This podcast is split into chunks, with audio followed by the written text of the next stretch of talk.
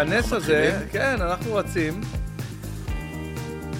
קפוצ'ינו, הקפוצ'ינו הזה מעיד על, אה, על הכיף שהולך להיות. וואי, וואי, וואי, איזה רמה. בוקר טוב לבן אדם שבזכותו, שים לב, שבזכותו מלא. אני אחד מהמנגליסטים הכי טובים בישראל. לא.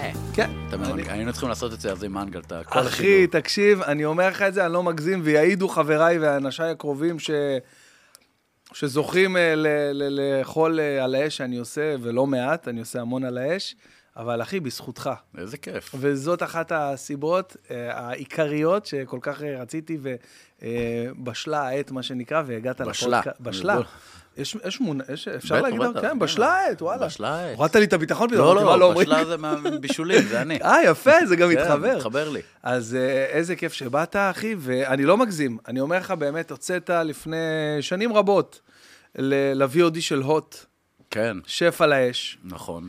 וראיתי באדיקות כל פרק אה, בין 16 ל-17 פעם. מסתבר, אתמול אמרה לי אחת העוקבות באינסטגרם, שזה עדיין מופיע בלופ אינסופי בערוץ האוכל. אין לי טלוויזיה. בערוץ האוכל. כן, אין, לי, אין לנו טלוויזיה בבית, אבל כאילו, היא רואה את זה, ושלחה לי נראה- תמונה, ואני נראה שם כמו ילד אני- קטן. אני אגיד לך משהו, בתור בן אדם שרואה... אם אני כבר רואה טלוויזיה, זה ערוץ האוכל וערוץ הטיולים. זה מה שקורה אצלי. בשאלה 27-28. ווואלה, לא נתקלתי בזה בערוץ האוכל. אולי... זהו, ב- זה יש את זה בלי סוף, היא אומרת יש, עדיין. אני אומר לך, אני רואה, אולי במהלך היום, אני ברצועות לילה אה, של ערוץ האוכל. בלילה אני לא, אני עייף, אבל לא, זה, תמו, זה תוכניות ישנות, שלחה לי תמונה, אני נראה שם, עדיין לא גדל לי זקן. יש שם, בערוץ האוכל, אם אתה כבר מעלה את זה, אה, בחור אה, אה, אה, אפרו, אני לא, איך אומרים את זה היום? כאילו, בחור אה, שחור מדהים כזה, מגניב, מגניב, מגניב, שעושה על האש, וואלה. אבל כאילו גם ברמה... ישראלי? לא, לא, לא, אה. לא, לא, ברמה, הוא, הוא, אני חושב שהוא אה, אנגלי, אוקיי? הוא עושה את זה ברמה מאוד מאוד גבוהה. וואלה. כמובן שכל מה שהוא הוא עושה שם זה, אתה יודע, זה, זה חזיר וחסילונים ודברים, אבל אתה, אני מסתכל על הטכניקה, אני מבשל כשר ואוכל כשר, אבל אני מסתכל על הטכניקה ועל הדברים שהוא עושה, ו, ועל העישון של, הד... כל התהליכים, וזה גם, זה עולם שלם. זה גם מצולם ברמה אחרת. ברור. כאילו אם לוקחים את השף על האש שעשית לפני עשור, עשור. עשור, ועושים אפסקייל, איך? בחור אה, שחור עם אימא לבנה? אה, אב- אבא שחור, אימא לבנה? לא, לא, לא. הוא בחור? צעיר, לא, לא, הוא בחור צעיר. תסתכל, תרשום בערוץ האוכל, איך קוראים לו? אני אזכר, אני לא מצליח לזכר, אבל בכל אופן, אם לוקחים את ה... אתה יודע, את ה upscale שיש היום בעולם הצילום, לצורך העניין, אה, איתי אדרי, אח של קובי. אדרי, הנה, אני... בלולו שם בלולו, אח שלו. אז הוא לא עושה יא בלולו שם בלולו, לא. אבל הוא עושה צילום ברמה מטורפת לדברים שהוא מכין. לחלוטין. הם, הם שניהם הכי מוכשרים בטירוף. איזה הכי מוכשרים. ואיזה איזה, איזה חשוב, באייפון. באייפון, אחי, אתה באייפון. משקיע פה, זה, מצלמות, 20 אלף שקל. באייפון, בא, מצלם הכל, עורך. זה העתיד. זה אבל- זה ההווה כבר. אבל תשמע, עד כמה זה, זה, זה, זה שם לך מול הפנים את העובדה שכמה חשובה האריזה. חד משמעית. כמה חשובה האריזה, ההגשה. אתה יודע, לפני 12 שנה, 15 שנה, כבר לא זוכר, שרק התחיל הפייסבוק, ואחרי זה האינסטגרם כמה שנים אחר כך, כן, כבר 15 שנה התחיל הפייסבוק, ואז אחרי זה, לפני 12 שנה האינסטגרם, הייתי חוטף ביקורות כל הזמן בתקשורת על שף אינסטגרם, ומתעסק רק בנראות החיצונית ותמונות. תראה, הקדמת את זמנך, אחי. ירדו עליי בלי סוף, בלי סוף, בלי סוף, בלי סוף. תעשה גוגל, עומר מילה, שף אינסטגרם, אתה רואה את כל הביקורות. והיום, אני כבר, ב- ממש בעוד שבועיים מהיום, מצלם שף על האש. די, נו. שאנחנו מצלמים את כל כולו באייפון, ו... איך אתה מודיע לי את זה ככה? וזה גם לא, זה לא דרך ערוץ האוכל ולא דרך איזה חברת שידור גדולה. אתה- זה אנחנו, אתה החבר'ה. בדיוק, אה. אנחנו מצלמים שישה פרקים, וזה הולך להיות כאילו, זה יהיה גם הצלחה, אני, אין לי ספק בזה באמת. תשמע, יש משהו... היום אפשר לעשות הכל, יש לנו כוח, יש לנו כוח בידיים. הנה, תראה אותך, אתה לא צריך את גלגלצ וגלי צה"ל וווטאבר, יש לך פה פודקאסט משלך, נכון. כולם מקשיבים לו. נכון, זה מטורף, זה מטורף. ו... וברגע שבן אדם מבין את זה ויש לו קצת, אה, קצת, לא הרבה, חריצות, זהו. משם- חריצות והתמדה. והתמדה, זה- השמיים הם הגבול. אז זהו, אז, אז כאילו באמת אתה, קודם כל גם היום אתה עושה בסושיאל מדיה חייל, כאילו באינסטגרם, אני עוקב אדוק, כל מה שאתה רואה. אתה יודע, יש אנשים, זה מדהים, יש אנשים, שלא, וגם לי אומרים את זה, אגב, אה, אנשים ברחוב וזה, וזה מחמיא לי מאוד, שלא משנה מה תעלה, מתי תעלה, רואים תוכן שלך, עוצרים. בוא נראה מה הוא עושה עכשיו. זה זו המחמאה הכי גדולה בעולם, כאילו, זה גם קודם כל אתה מזהה איזה טביעת אצבע. נכון, אתה יודע את הסגנון נכון. וזה, ו... אני עושה את זה כבר 12 שנה כל יום, בלי הפסקה. אתה יודע, אתה עושה את הפודקאסט מ-2021 בערך. אני 12 שנה וואו. מצלם סרטוני אוכל או תמונות של אוכל. אני מודה שבתחילת הקורונה, כשגם נולדו ילדים, אז הפכתי את זה למקצוע. בעצם מכרתי את כל המסעדות, מכרתי את העסקים, ואמרתי, מה אני צריך את החרא הזה על הראש שלי? והתחלתי פשוט למכור, והתחלתי פשוט לשווק את עצמי ואת האוכל שלי דרך הרשתות. תשמע, כשאני שמעתי את זה, זה, זה העיף אותי, הסיפור הזה, כי יש לנו קצת, אני מוצא כזה, לוק עליה, כזה דמיון טיפה בסיפורים שלנו, ב, לפני עשור, שעזבתי את החברה שהייתה לי והקמתי, והייתה באמת אימפריה והכל, והחלטתי, אני אמרתי, אני עכשיו מתעסק רק במה שאני אוהב, רק מה שאני זה, והלכתי לסטנדאפ, וגם לאשתי קוראים שירן. הופה. אה, יש הרבה דברים. אה. הייתה לנו תוכנית ביחד, ה... איך קראו לזה? ח- אה, חיים של אבא? חיים של חיים אבא. של אבא, היינו באותו פורמט. אז אה, אני, אני כאילו, אני וואו, חיים מוצא... של אבא. חיים של אבא, איזה ישן זה. כן, מרגיש לי כמו לפני 200 שנה. אתה- יודע מה הקטע הכי הזוי? שהקורונה נכנסה באמצע, כן. ופתאום זה היה כאילו לא רלוונטי, לא, שינה את כל... הם, באו אליי גם כאילו הביתה לצלם את הפרק האחרון כביכול, הפרק החמישי, רביעי, לא זוכר, וזה היה איזה שנתיים זה היה אחרי, שנתיים אחרי. הילדים כבר מתגייסים. אתה יודע, אני אומר להם, בואנה, הלל שלי הקטן, שהיה אז באמת בן שנה וחצי, פתאום אני אומר, בואנה, בן שלוש וחצי, כבר אין את הקשיים, אני כבר מרגיש, אתה יודע, הם באו, עד כמה זה כן, קשה, איך אתה צריך, יש לך הופעות, הוא מתעורר, אתה לוקח אותו כבר לגן, לא לא לוקח. כבר לא זכרתי איך נראה חיתול באותה תקופה, הוא גדול. אמרתי להם, הוא הולך לגן לבד, אני כבר לא לוקח אותו, אין לי את הקושי הזה, אבל עכשיו באמת, אה, אתה גם יש לך רצף, כאילו... אבל רגע, קח את התוכנית הזאת שנייה, אפילו חיים של אבא. נו. קח את התוכנית, באו צוות, צוות, הפקה, עניינים, מהבוקר עד הערב. צילומים, קוראים אותך אז עם הילדים וזה. בסוף, אני חלילה לא מזלזל בעבודה שלהם, עשו עבודה מהממת, אבל אני עם האייפון מתעד את החיים שלי ממש, כל היום, מהרגע ממש. שהילדים נולדו. ועד היום שהם בני ארבע וקצת, אני כל יום הם ברשת, יש אנשים שמכירים אותם יותר טוב ממני כבר את הילדים. איזה קטע. אני חושב שהכוח הוא בידיים שלנו, אם, אנחנו, אם אתה חרוץ, אם אתה מתמיד, ואם יש לך טיפה חוש, טיפה... כן, או- כן, ואפשר כן, בדיוק. ללמוד את זה, אגב, אתה יכול לעשות פלאים היום בטכנולוגיה. אבל תהיה חרוץ ותתמיד. תמיד. אם אתה לא בא ומראש מוכן להניח פה, לשים פה שעות של עבודה, התמדה, חריצות ותשוקה לדבר הזה, ותר. יש. לנו, יש לנו חבר משותף בשם עמרי פלד. עמרי פלד. ת- תמיד אומר לי, זה לא משנה מה אתה רוצה לעשות, תתמיד. פשוט תתמיד, אתה רוצה להיות מר עולם, תתחיל להתמיד. אתה רוצה להיות אצן למרחקים, תתמיד. הוא, הוא מאמן לספורט, אז כן, שם. הדוגמאות שלו. כן, כן. אבל זה תמיד ככה, ואני חושב שזה נכון לגבי הכל. אני 12 שנה לעשות את אותו דבר, וכל יום אני צמא לעוד ידע, ללמוד עוד, עוד טכניקה, איך איתי אדרי עושה את הלופ שלו, ואיך זה עושה את זה, ואני מסתכל על כולם, ואני לומד, וזה, ואתה מסיר מעצמך אגו, ואתה פשוט רוצה בואנה, עוד ידע. תשמע, מה שאמרת לי עכשיו ריגש אותי ברמה של גוזבאמס, אחי. אני אומר לך, כי כשאתה אומר לי שאתה רואה את איתי אדרי, שהוא כאילו מאוד חדש בנוף יחסית, אוקיי? ואתה עם כל העבר שלך וכל הדברים שעשית, יושב ולומד ממנו כמו ילד, זה מרגש אותי לשמוע את זה. אני גם אגיד לך יותר מזה, אני לומד ממנו, מכל מיני בלוגרים אחרים, לאו דווקא איתי, כל מיני בלוגרים אחרים, הרבה יותר מאשר אני לומד משפים אחרים. יש היום צוות, צוות, אני אומר, יש היום צעירים מדהימים, מדהימים, שמבשלים וואו, עם טריקים, עם טיפים, כל מיני דברים, לא כולם, יש הרבה בררה כמו בהרבה כן, תחומים כן, אחרים, כן, גם כן, ב- כן. גם בשפים אגב. כן. אבל כשאני רואה אותם, ואני אומר, בואנה, את הדבר הזה אני רוצה להכין בליל סדר לילדים שלי, ולא איזה שף דמיקולו שעשה בידיעות אחרונות משהו כזה, זה לא מעניין אותי כבר הדברים האלה, אני עולם חדש. ולקח לי זמן, אני זוכר שהיו שואלים אותי בהתחלה, איזה בלוגרים אתה עובד? אני, בלוגרים, רק שפים. לא, הם, עושים עבודה מדהימה, והם מוכשרים בטירוף. איזה מדהים שאתה אומר את זה ככה, תקשיב, זה מאוד מפתיע אותי. אני חושב שגם בעולם שלך, אתה יודע, של הסטנדאפיסטים, אתה היום רואה ביוטיוב כל מיני קטעים חדשים. בואנה, פעם אי אפשר היה להיחשף לזה, אלא אם כן אתה. משלם כסף. ברור. ואני לא יודע כמה אתה, אני לא לומד מזה כלום, כי אני לא מבין בסטנדאפ שום דבר, אני לא בן אדם מצחיק, אבל אני בטוח שאתה יכול לשאוב מזה המון השראה וידע ולראות קטעים מהעולם. בטח. אגב, אני אין לי תיאוריה, אני יש לי תיאוריה שאין בן אדם אה, לא מצחיק. וואלה. בטח. אין דבר כזה בן אדם בלי חוש הומור. אלא אם כן... יש לי מלא חוש הומור, אני צוחק מאחרים. לא, לא, לא, אין מצב. יש, יש אנשים, יש אנשים מסוימים שאתה גומר אותם מצחוק. אני חותם על זה. אשתי. כן? כן, את אשתי אני מצחיק, את הילדים שלי, אבל אה, אין לי את הטיימינג הזה. יש לכם את הפק פק לדעת, כן. לדעת, אין לי את זה. אני חושב שזה ממש ממש ממש, זה הדבר היחיד שהוא כאילו ה... הדבר המולד. כל השאר אתה יכול לעבוד, לשפר, זה. כמו כל דבר, אני אבל מניח.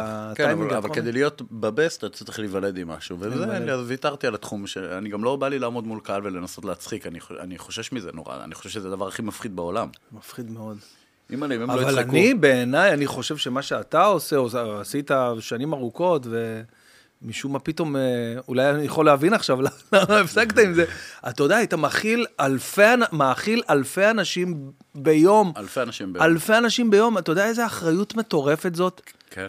אני יושב במסעדה מטורפת, לא חשוב שמות, מסעדת יוקרה, אני אומר, בואנה, הכל פה הכי טעים בעולם, ולידי יושב זוג תחשוב, שרק מתלונן אתה- למלצר. נכון, כי על כל, כל מנה יש לה קהל שלה, אני בעצם באיזה 300 הופעות בערב, אתה יודע, יואו, כאילו, זה לא יאומן. כל מנה וכל בן אדם עם החוש טעם שלו, וגם אנשים נורא רגישים באוכל, הכל מצ, מסעיר אותם, זה דבר נורא יצרי, זה אחריות גדולה, ואני לא עוד מדבר על הצד הבריאותי, כן, וואו. והסכנות, ומשרד הבריאות, ו...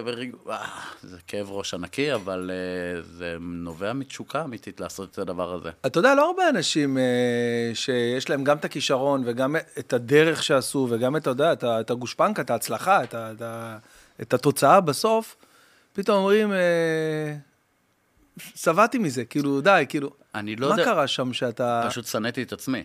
לא, לא שבעתי מהמקצוע, אוקיי. כי המקצוע אני מכבד אותו ואוהב אותו, ויש לי חברים שפים עד היום. אני פשוט, אני, זה הפך אותי להיות אדם שאני לא יכולתי לראות אותו במראה, כאילו ניגלתי מעצמי.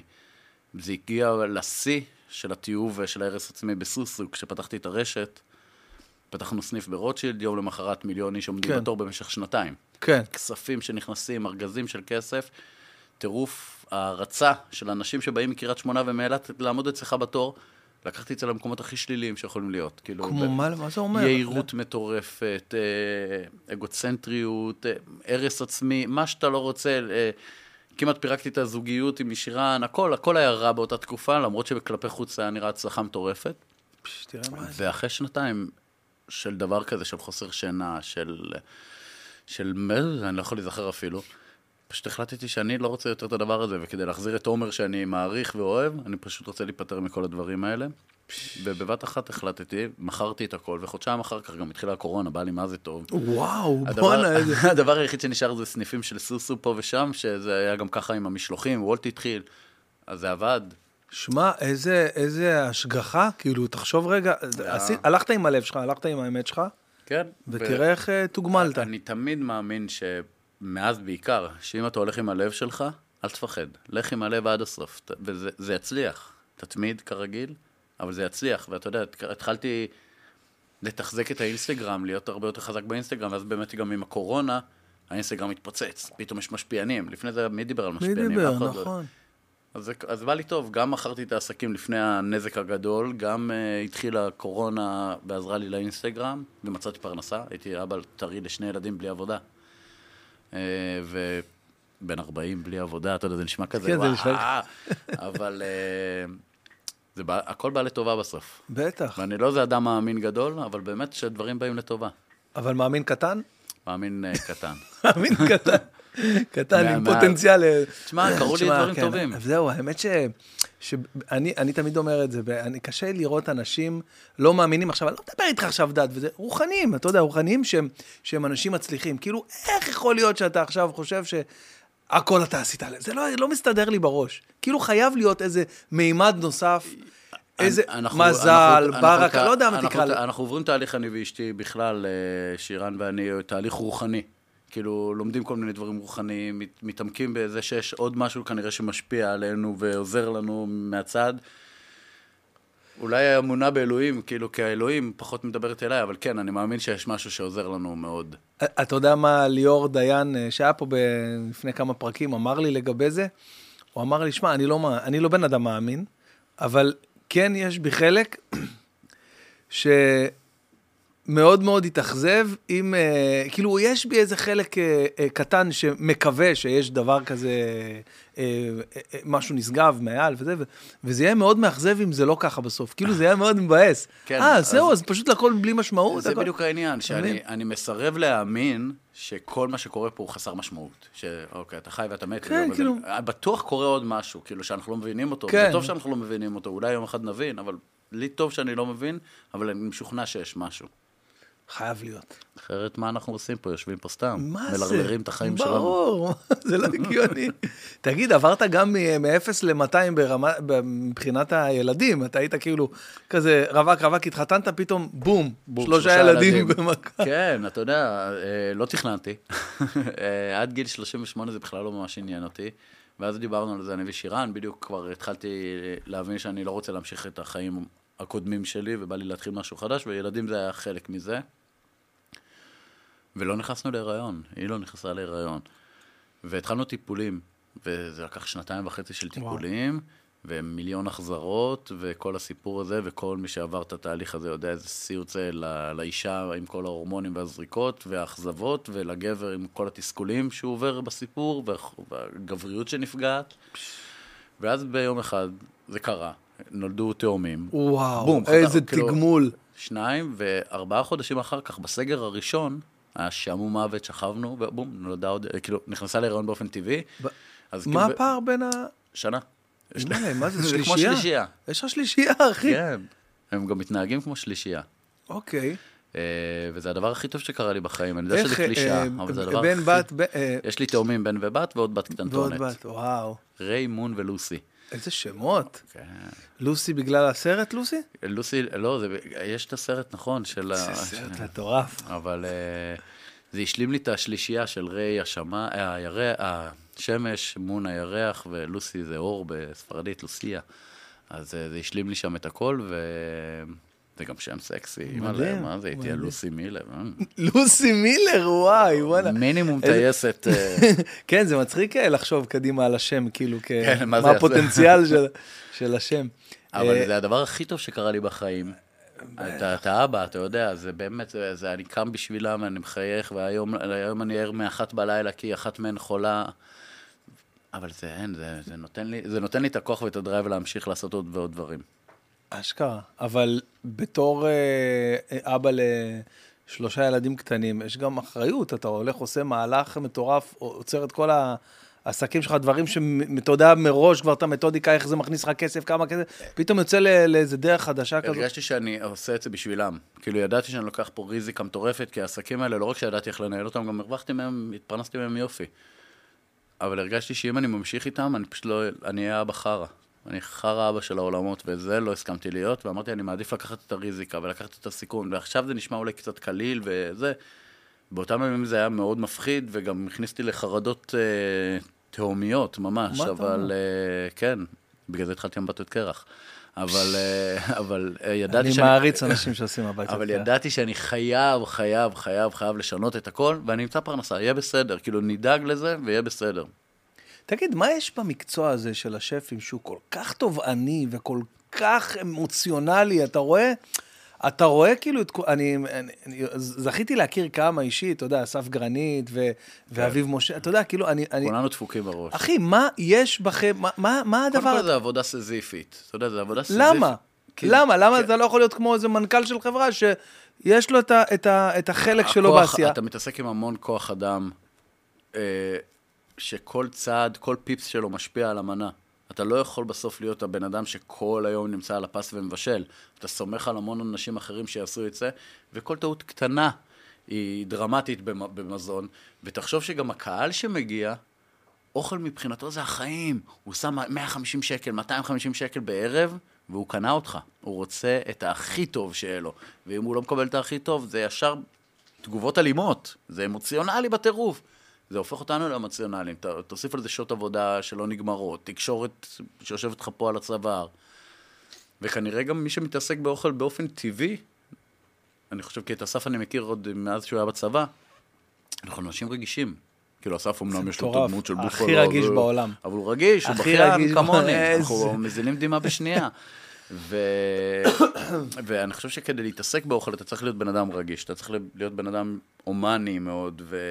והלחץ הזה, הסיר הזה, אם אתה רוצה, הסיר חום המטורף הזה במטבח, שובר אותנו, שובר הרבה זאת שפם. אומרת, אתה אומר, הלח, הלחץ באמת הפיזי, זאת אומרת, הלחץ הנפשי והפיזי, חוסר שינה, תחרותיות מטורפת, קהל קשוח, ביקורת יומיומית מהקהל. תחשוב שכל מנה שיוצאת עוברת נתת לי ביקורת. תשובה הכי מדויקת שיכולה להיות. אני זאת אומרת, חוש- אני חושב לי- שזה זה. הסברת לי אחת ולתמיד, כאילו, מה באמת, אה, עם מה מתמודד שף, שלא לדבר על שף ש- מוביל, אתה יודע שהוא אני, כל הזמן... אני לא סומך על שף שלא בוכה בלילה. כאילו, אם אתה לא בוכה בלילה, משהו אצלך פגום. אני חושב ש...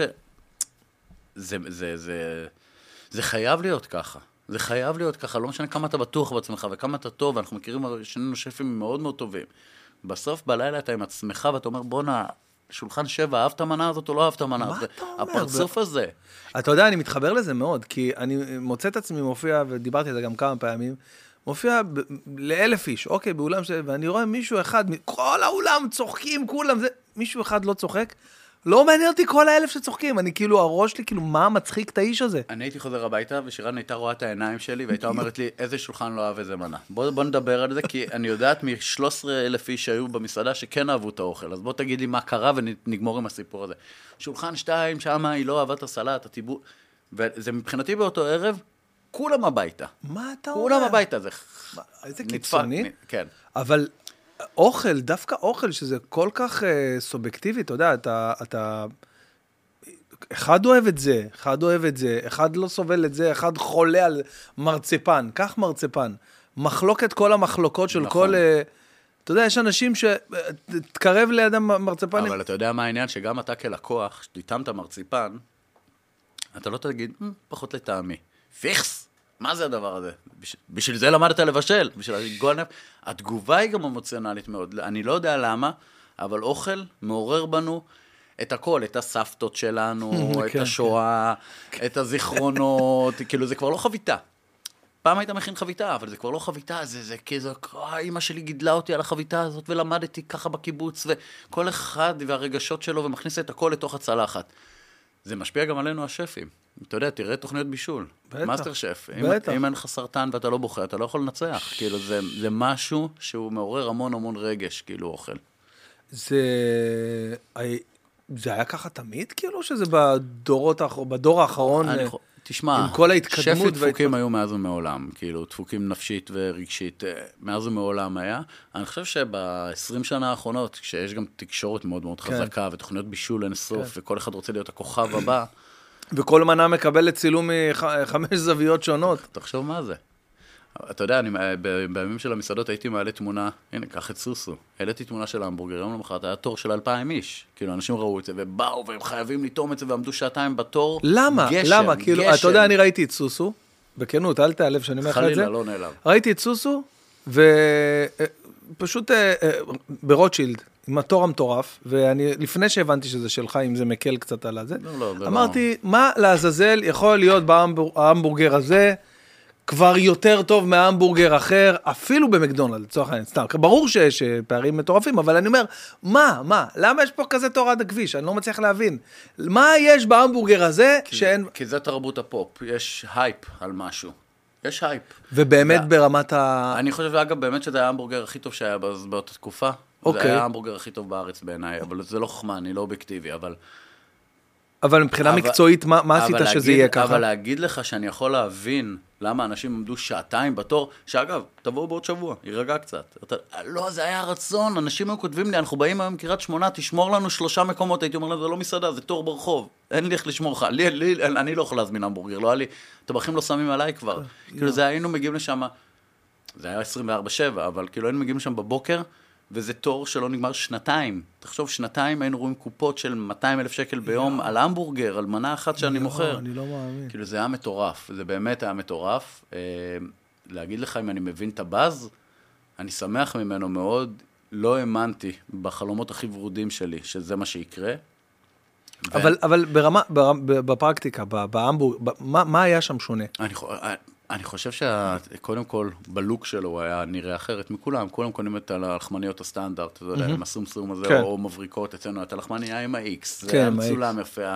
הגבינה, סליחה, אתה לא כן, אוכל כשר, כן. אתה אוכל כשר, אבל הגבינה הצהובה הנמרחת הזאת, אז היום כבר כולם עושים את זה. היינו הראשונים. לא עשו את הדברים האלה. ים תוספות, להיות מוגזם, להיות אמריקאי, זה היה איזו שאיפה, אז כולם רצו ה... שים לי גם על כבד אבז וסלט ביצים, וזה, וריבת צ'ילי, וריבת בייקון, וריבת לא יודע מה. אנשים היו, המבורגר שעולה 34 שקלים, היו יוצאים על המבורגר ב-200 שקל, כי עושים 16 תוספות. עכשיו, באופן אישי, אני, עומר, הייתי מגיע לשם, מבקש לחמנייה, המבורגר בלי גבינה, מעט רוטב. זהו, זה מה שאני אוהב. ככה אני אוהב את ההמבורגר שלי. והקציצה, עד היום, אגב. הקציצה עצמה? את הפגז. היינו משתמשים... גם מיוחד? כן, כי באמת הבאתי את כל הידע שאני יודע, ולא עבדנו עם בשר. אני ממך למדתי. לא הבאתי בשר קפוא, הבאתי בשר רק מקומי ישראלי, שזה לפני שבע שנים, תחשוב, היום זה שבע שנים לפתיחה. הבאנו, אף אחד לא עבד ככה אז. היו קונים מסות של המבורגרים קפואים, אנחנו אני, ממ-. אני ממך למדתי לעשות את הבן בורגר אחד הטעימים שיש. הייתי קורא לזה בן בורגר, הייתי מזמין חברים, Mm. הנה, רואים, יש לך כ- מקום לרשת.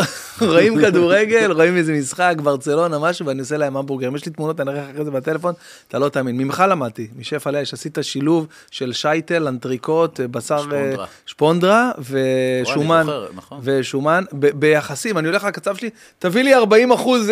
אז בסוסו זה היה מתכון שונה מעט, אבל אבל הוא עבד פגז, וזה באמת היה ביס טעים נורא. והאנשים כאילו, ואנשים היו עומדים בתור שעתיים, קונים את ההמבורגר, נותנים ביס, שמים את המנה בביס, אתה יודע, הופ, נגמר ההמבורגר, וישר מעלים לאינסטגרם, אכלתי בסוסו, וואו, איזה טעים. יום למחרת. צריך לפרסם אחרי דבר כזה. זה- מעולם לא שיתפתי פעולה עם התקשורת בנושא סוסו, לדוגמה, בניגוד למסעדות, שהייתי מתראיין, וזה, לא הייתי צריך את זה. זה עבד מעצמו, זה שיווק את עצמו. אתה יודע, לפני אה, ש... שנה, תקן אותי אם אני טועה, אולי לא היית כבר, נראה לי שלא היית כבר. קיצור, פתחו סוס, אני גר בבת ים, פתחו סוסו בטיילת אני- בבת ים. אני כבר ארבע שנים לא. אה, אוקיי. נסגר אחרי חודשיים. אין לי מושג מה קורה עם הרשת היום. מה אני- אתה אומר, ברמה כזאת? ניתקתי את עצמי לחלוטין.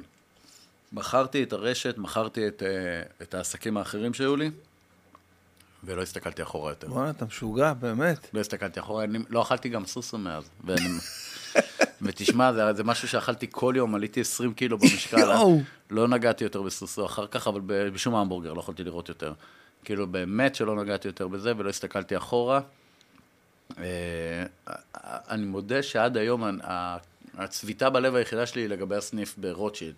היה שם משהו בשנה וחצי הראשונות, עוד לפני שהפכנו לרשת, שהוא היה קסום, זה היה אורבני בטירוף, אנשים באו מכל הארץ, ישבו שם בשדרה, אתה יודע, שדרה מ- מהבימה ועד החניון של רוטשילד אחד שם, היה מפוצצת בקופסאות של סוסו, אנשים באו מכל הארץ לאכול, ומחמאות, אתה לא מאמין, אני, הפייסבוק מזכיר לי כל פעם, אתה יודע, לפני חמש שנים, לפני שש שנים. אה, בטח, זה הקפיץ לי. לפני שבע שנים הזה, שזה עכשיו, בדיוק לפני שבע שנים הפתיחה, תקשיב, אין אחד בישראל שלא בא לשם לאכול.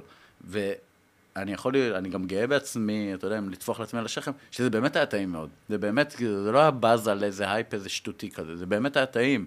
ואני מאמין, אגב, עד היום שאם היינו נשארים רק סניף ברוטשילד, הייתי יושב עכשיו על ארגזים של כסף ו- ולא עושה כלום כן, בחיים. לפי מה שאתה אומר, זה... אבל לא עניין אותי זה לעש- נ- לעשות משהו אחד בחיים. תמיד אהבתי להתפזר. זה נשמע מטורף, תקשיב, זה נשמע, נשמע גם כיף, אני חייב להודות. זה... כאילו, שיש לך ביזנס כזה, שאני מבין שאתה לא שם, אתה לא מכין את ההמבורגר. אין לך סיכוי להכין אותו. בדיוק, אז כאילו, זה נשמע חלום. אתה מכין, תשמע, מכרנו בסביבות 2,500 המבורגרים ביום, בסניף של אה, 28 מטר לדעתי. אימא'לה. זה כמויות מה, זה מטורפות. פחות מהחלל הזה. הלוואי והיה לי חלל כזה. מה זה? זה מפה ועד המצלמה. שמע, ש- זה לא אמיתי. שם חמישה טבחים, תכננו את התוכנית העסקית לפני שני טבחים. יום אחרי פתיחה הבנו שאין ברירה ועברנו לחמישה טבחים. תוך פחות מחצי שנה היה לי 30 טבחים שעבדו ב... אין אה, תפוקה שולית פוחתת שאתה מכניס כל כך הרבה אנשים? זה לא משנה, זה, אתה יודע איפה אתה רואה את זה? ב... זה לא משנה, כי הכמויות המבורגר שמכרת, אין אופציה אחרת. אופציה אחרת. לא, זה גם לא, לא היה לי אופציה של לקנות עכשיו איזה מקום ולהתחיל להקפיא המבורגרים, כי האמונה הייתה שעובדים רק עם בשר טרי. אתה מכיר מסעדות אה, סיניות שיש שם.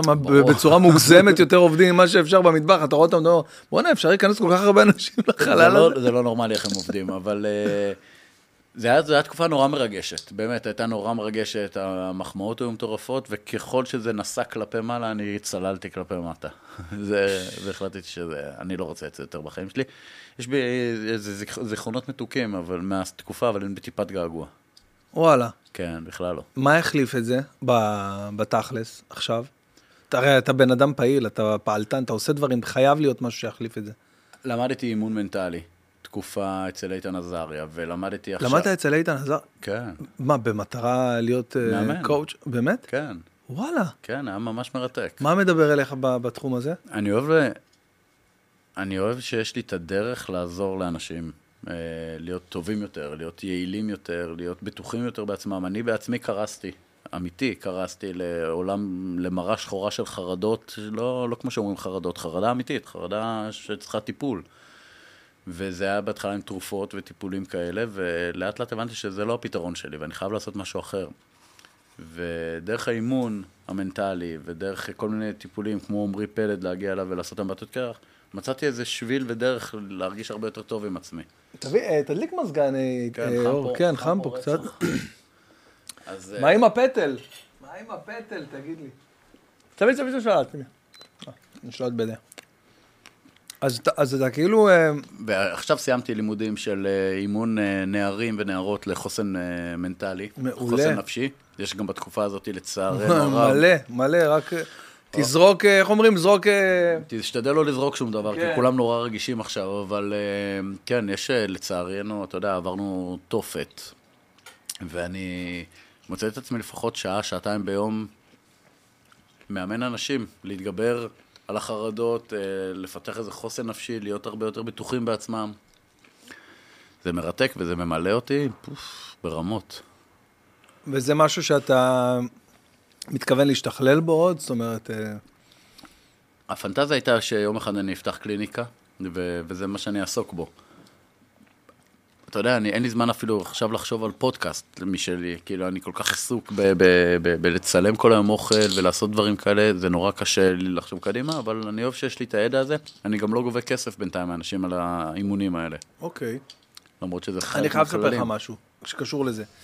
ראית מקודם, אה, הייתי פה בפגישה קטנה עם, אה, עם הבעלים של המתחם פה, ודיברתי איתו, והוא מספר לי שהוא אה, באזור שנות החמישים שלו, הוא מסיים כאילו עם העבודה שלו, ו, והוא עכשיו, אה, אני אומר לו, מה אתה הולך לעשות? הוא אומר לי, לא יודע, נראה.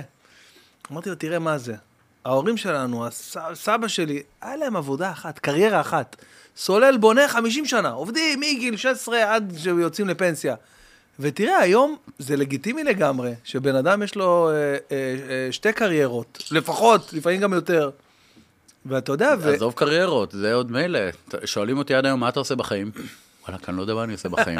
מעלה מתכונים, זה יש כן. לזה- יש לזה שם? מעלה מתכונים באינסטגרם. כאילו, אין לזה שם משפיען, זה לא עבודות. העולם הזה של קריירה של אבא שלי, שהוא היה איש חינוך וניהל בית ספר, ו- ואחר כך ניהל איזה כפר נוער, 50 שנה מהחיים שלו, מגיל כן. 20 עד גיל 70. זה לא קיים מבחינתי לפחות, כששואלים אותי אה, על הילדים שלי אפילו, מה הם ילמדו באוניברסיטה להיות, אני לא יודע מה הם ילמדו, אין לי מושג, זה גם לא מעניין אותי. אני, אני חושב שיש אנשים שהולכים בתלם, כי, ואני מקנא בהם גם, כי יש איזו נוחות מסוימת. אתה יודע, זה כמו ההבדל בין שכיר לעצמאי, שכל הזמן מדברים, אבל אני הולך להיות עורך דין, אני הולך להיות רופא, אני הולך להיות אה, משהו שהוא מקצוע, ויש אנשים כמוני, לפחות, שאין להם מקצוע, אנחנו, אין לנו מקצוע בהגדרה. אני קם בבוקר ואני מצלם קרפט של סלק, ואתה יודע, ואני מתפרנס מזה. זה מצחיק מאוד. והיום אני עוסק בזה, ואני במקביל עושה עוד דברים, ושירן, אשתי מאמנת הורית.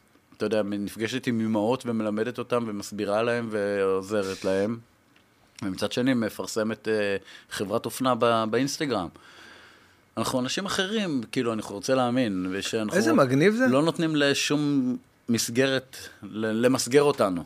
אנחנו רוצים לעשות מה שכיף לנו ומה שנעים לנו, ואם יש בזה פרנסה בצד, מהמם. תשמע, זה מגניב בעיניי, שזה כאילו אה, כזה מאוד אה, מפתיע. אתה יודע, אתה רואה בן אדם, אתה אומר, טוב, זה שף, יהיה שף כל החיים, או שלא יודע מה הוא עושה, ולא, והנה לא. עכשיו, מעניין אותך עוד דברים. קח את אתה- אהרוני, אהרוני חבר טוב שלי. אהרוני שף. הוא די-ג'יי, הוא די.ג'יי, כן. הוא מצייר, כן. הוא אומן, הוא הוא שר שירים, הוא עושה טלוויזיה. מה הוא יותר? הוא יותר בטלוויזיה או יותר בשפיות? תשמע, אני חושב שהתוכנית שהוא יצר, ואת זה רק גיליתי עכשיו במלחמה, אני, התוכנית שלו עם אה, גידי, בגאונות. אחי, זה, זה כל כך הקדים את זמנו, וכל כך לא קיבל את, התהודה ואת ה... ואת ה אה, אה, אתה יודע, ה, ה, הוא יצר שם משהו, אני כאילו רואה את זה עכשיו, אני אומר, בואנה, זה הדבר הכי מעניין בעולם. הוא דמות, אני ואהרוני, אה, כגילוי נאות, אני אגיד, אנחנו חברים כבר 20 שנה, והוא הוא דמות לחיקוי מבחינתי, דמות להערצה, ולאו דווקא בגלל שהוא היה לו את המסעדה הכי מפונפנת בישראל, את אה, תפוח כן. זהב, אה, שנסגרה לדעתי כן. בשנת 2000, או בגלל שהוא עושה מאסטר שף, או גיד... דווקא בגלל שהוא פרוס כמו איזה טווס על מיליון דברים. ואתה יודע, הוא, הוא תמיד אומר לי, עומר, שהייתי מתחבט עוד בתור נער, הייתי מתחבט בדברים, הוא אומר לי, למה או ואו-או? גם וגם. גם וגם. תהיה גם כזה וגם כזה, ותתקלט בא- באומן אם אתה רוצה, ותצא למסיבות, ונעשה מה שאנחנו רוצים, ושכולם יחפשו את החברים שלהם, וככה הוא חי. ו- וזה משהו שאם אני צריך לקחת, אני חושב שהוא כמנטרה, הוא מאוד מאוד השפיע עליי בדבר הזה, כ- כמנטור. כן. הוא ממש השפיע עליי. אני, לא מעניין אותי מה אומרים, באמת לא מעניין אותי מה אומרים. אני רוצה לעשות רק דברים שעושים לי טוב, ואני מקווה שהם גם יכניסו לי כסף לכיס. כאילו, באמת, שיהיה פרנסה בצידה, מה שנקרא, אבל אני לא מחפש להיות בתלם, זה לא מעניין אותי להיות שף כדי להגיד שיש לי מקצוע ואני שף. לא, אני רוצה לעשות דברים משהו ש... שטובים. אם יש משהו שאני מתבאס עליו, באמת, עם כל ה... הדבר המדהים הזה ש... שעשיתי עם הפודקאסט בשנתיים האחרונות, זה שהתעקשתי על אה, ישראל אה, מוקדם מדי. כאילו, מה זה התעקשתי? הזמנתי אותו לפודקאסט כמה פעמים, ומאוד עניין אותי, אבל זה היה מוקדם מדי. כי אני מרגיש שאם עכשיו הייתי יושב איתו, לא אז- מאוחר מדי. אז הייתי יודע, נזמין אותו לעוד פרק, אחי, תקשיב, היה לנו פרק, ואני כאילו, הוא סיפר לי דברים מדהימים על תחילת הדרך שלו, אבל אתה יודע, אני כאילו לא, לא, לא, אני מרגיש, אני ראיתי את כל השמונה עונות, עכשיו ראיתי את כל השמונה עונות של אהרוני וגידי הולכים, מטיילים בכל העולם, וזה- אתה יודע, זה מבחינתי המפלט. תשמע, הוא אוצר בלום של ידע. אין אנשים עם ידע כמו שיש לאהרוני, אף שף בישראל, אף שף בישראל, אני אומר את זה, וכל שהשפים יקשיבו, אין אף שף בישראל שיש לו ידע פרומיל ממה שיש לאהרוני. אהרוני באמת ידען, הוא יודע הכל, הוא סקרן, הוא בן 75 והוא מסתקרן מכל דבר כאילו הוא בן 16. אתה גם יודע, לא רק מהאוכל, הוא יודע עובדות, עניינים, הכל. דברים, על כל מיני. שיח- והוא איש שיחה מרתק, והוא נטול אגו ופוזה ברמות האלה שהן מונעות ממנו, יודע, אני כאילו, זה גם משהו ששאבתי ממנו ומעוד כל מיני אנשים. כשאתה משחרר את האגו הזה, אני שואף, מה שדיברנו בתחילת הדרך על איתי אדרי, כשאתה משחרר את, את, ה- את האגו, אתה, אתה מגלה שהעולם כל כך רחב, ויש לך כל כך הרבה מה ללמוד, ועדיף שתגיד שאתה לא יודע ותלמד. אני בתחילת הדרך שלי, שהיו באים ללמד אותי משהו, הייתי אומר, אני כבר יודע, ולא ידעתי. והייתי מפשל. וואו. ולמה? למה לפשל? לך תלמד, תשב, אז מישהו יודע יותר טוב ממך, אוקיי. אני, אהרוני מדבר איתי, אני יושב כמו ילד קטן, תן לי לשאוב את הכל. זה מרתק, והוא... ככה עושים את הדברים נכון. ככה עושים, גם וגם. והדינמיקה בינו לבין גידי זה אחד הדברים הכי מצחיקים שיש. תקשיב, אין דבר...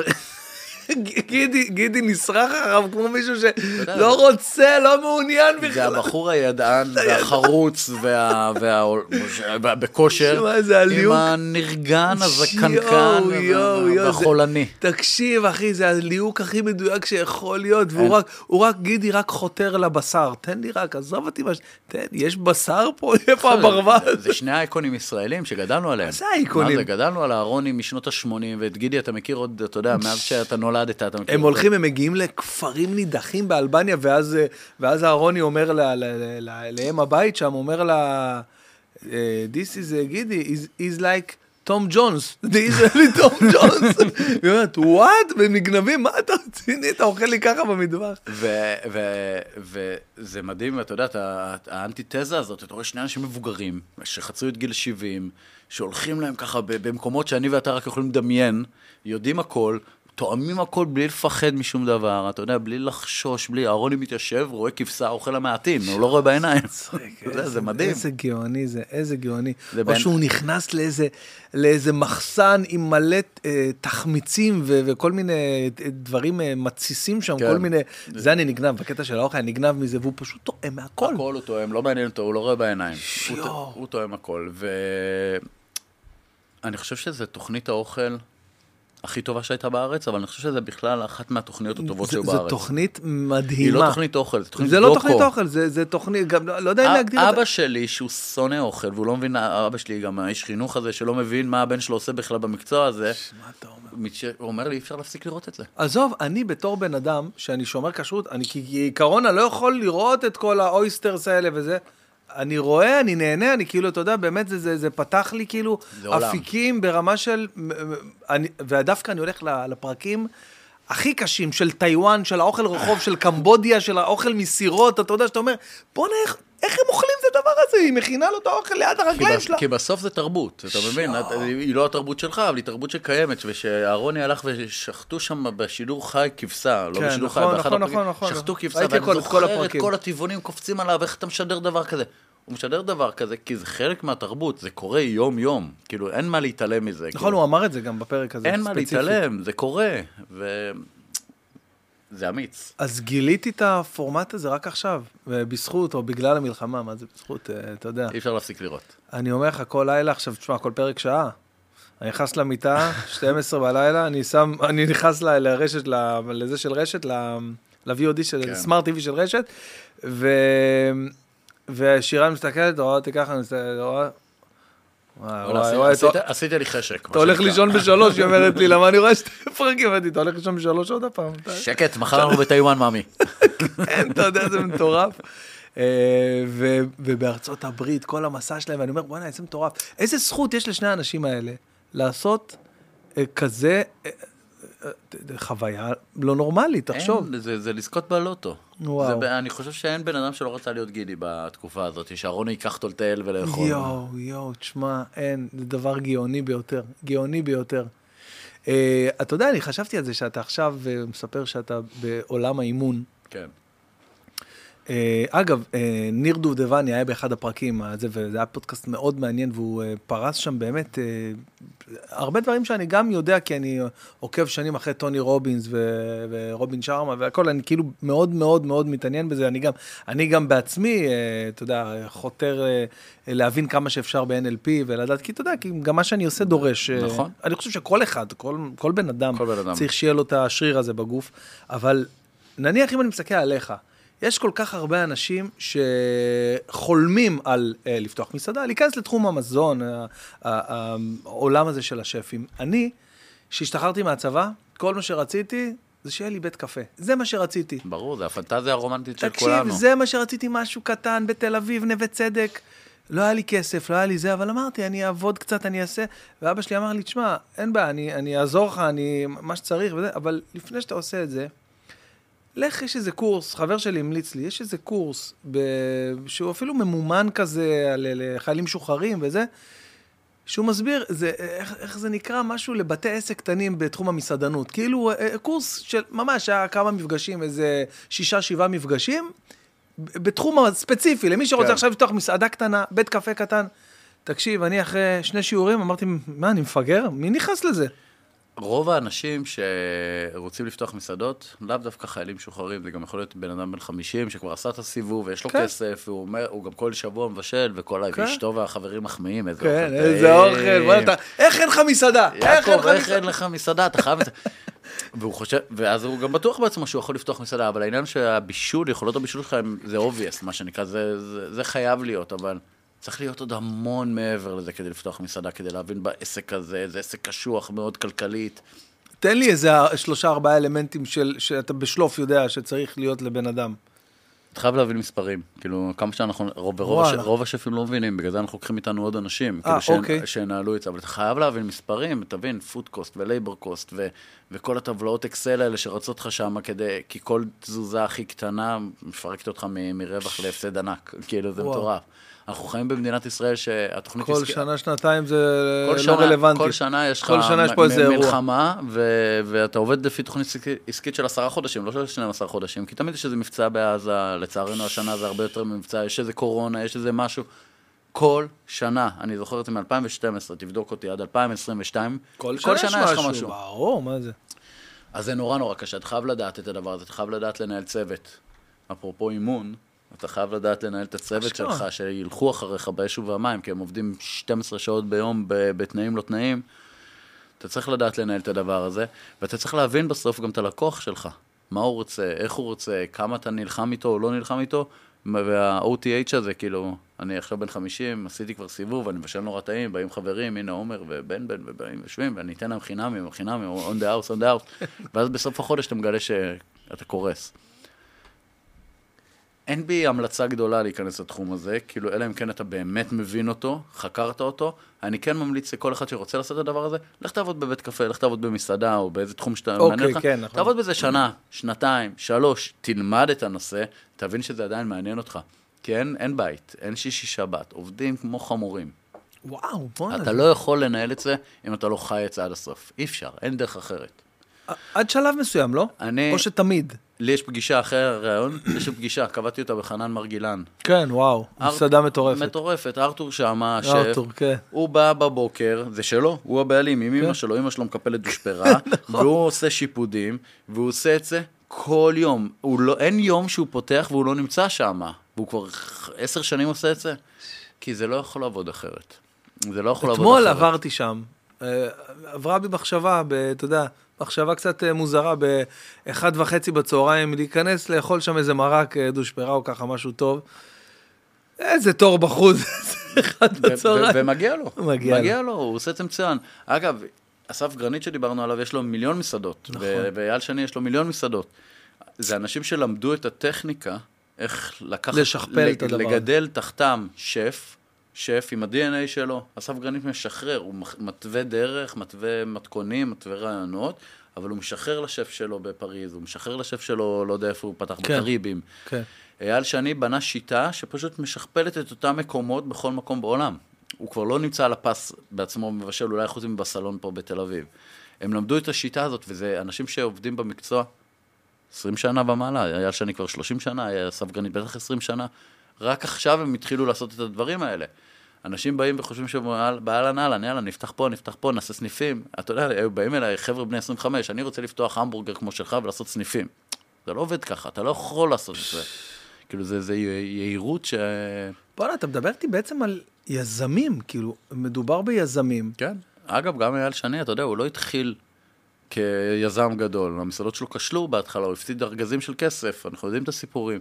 והוא התחבר עם בן אדם כמו שחר סגל, וביחד הם בנו אימפריה, וכאילו להוריד את הכובע, מה שהם עשו בשנים האחרונות. יש להם מסעדות בכל העולם שמרוויחות ו- וטעים ברמות אחרות. אבל זה גם משהו שהוא למד על בשרות הכישלון של במה אני טוב, במה אני לא טוב. הוא כנראה לא איש טוב של מספרים, הוא, והוא, אבל הוא איש מדהים של אוכל. הוא צריך היה את הגוף שלידו, וזה משהו שנבנה. אסף גרנית, יאמר לזכותו, הוא טוב גם במספרים וגם כן. באוכל, והוא גם חרוץ מאוד, אין לי מילה להגיד איזה עליו. חרוץ. אה, הוא עובד מהבוקר עד הלילה. הוא מטורף. וגם הוא למד אבל את הדברים שהוא יותר טוב בהם, באיפה הוא צריך לשחרר ואיפה הוא צריך... זה דברים שלוקחים זמן, ו... וזה כמו בגרות, אתה, אתה, בג... אתה מתבגר ו... ומתבשל לתוך הדבר הזה, זה לא משהו שאתה יכול מהיום הראשון לעשות אותו. יש יחידי סגולה, באמת, שפתחו מקום והפכו לאימפריה, כמו רפי כהן בזמנו. ואתה יודע, זה לא נגמר טוב. אבל רפי כהן התחיל בקינג דיוויד שם בירושלים, עבר לתל אביב בשיא האינתיפאדה, אתה יודע, 2001 או משהו כזה, פתח את רפאל, מסעדה בהשקעה מטורפת, שכל ה who's and who's אוכלים שם, כל המיליונרים וכל הצמרת הכלכלית-ביטחונית-שלטונית של מדינת ישראל. ילד בן 25. אבל גם הוא, כשאתה קורא, את- אתה, אני מכיר אותו טוב, הוא חבר טוב, כשאתה מכיר אותו, את הסיפור שלו, זה בן אדם שבגיל 13 כבר עבד עם דוד שלו וסידר במכולת את המצרכים ו- ודאג אה, ל- לנהל את החשבונות שם. הוא למד את זה, זה לא, אין, אין, כן, אין זה- גלות, מה שנקרא. זה. לא שאתה בא ויאללה, אני מחר פותח מסעדה של 8 מיליון שקל, זה לא עובד. תגיד לי, כל, ה- כל הענף הזה של, אה, של כל האוכל בטלוויזיה, מאסטר שף, משחקי השף, כל הפורמטים האלה, כן. עד כמה הוא אה, הפך פה את התחום הזה בארץ? אני חושב שיש לו השפעה מטורפת, לא טוב אלא רע. יש לו השפעה מטורפת. אה, זה חשף את האוכל ואת העולם של המטבחים. אתה האמנת ש... אני נגיד שאמרו שיש תחרות של אוכל, מאסטר שף, נראה לי היה ראשונים. מאסטר שף הראשונים. מאסטר שף הראשונים. אמרתי, מה? למה, למה שאני אראה עכשיו... איך אני אדע אם זה טעים? כאילו, איך אני... מה זה אוכל בטלוויזיה? חסר פה חוש. אבל... אז כאילו, חוש מאוד בסיסי לה- כדי להבין. אבל, אבל זה בדיוק עובד כמו באינסטגרם. אתה לא באמת יכול לטעום את האוכל שאני מכין, או בתוכנית אה, שאני על האש, אתה לא באמת יכול לדעת, אבל אתה יכול להכין את זה בבית. והסיפור המרגש מאחורה, והקסם של השופטים, נגיד במאסטר שף, הרביעיית כן, שופטים נכון. המקורית לפחות, חיים נכון. כהן, מיכל אנסקי, אהרוני ש- ולא... ש- אייל שני, היה מהראשונים, כן. זה, זה fucking פילהרמונית, הם נכון. כאילו מדהימים ביחד בעיניי. זה, הם, הם מדהימים, הם כאילו משלימים אחד את השני, אחד, אחד מלהג ומקשקש, ואחד מספר סיפורים, ואחד נותן את הטון המקצועי, נגיד. יש שם משהו שאותי אפילו, כטבח שנים במקצוע, מעניין לשמוע אותם, כיף לשמוע אותם, הם פשוט עושים עבודה מצוינת, וזו תוכנית מעולה בעיניי. לא ראיתי אותה כבר איזה שש עונות, אבל... כן. אה, אבל לפחות בעונות הראשונות, הם, הם היו תוכנית מדהימה בעיניי, כאילו, ואני בקלות יכול להבין את ההצלחה של הדבר הזה. אה, כל הפורמטים האלה, איך- איך לא הגע... אף פעם לא פנו אליך? בטח שפנו, לא- לא עברתי אודישנים. נכש- מה? נכשלתי רצח. איזה, אין מצב. באלוהים, ניגשתי, ל- למאסטר שף לא פנו אליי מעולם, אבל... אה, איך קוראים לתוכנית השנייה? משחקי השף? משחקי השף, או- נכשלתי באודישן. איך? באתי יהיר, ו- ולא מוכן, ועשיתי את כל הטעויות האפשריות, וכנראה לא התאמתי להם. קטע. כן, אבל בטח שניגשתי.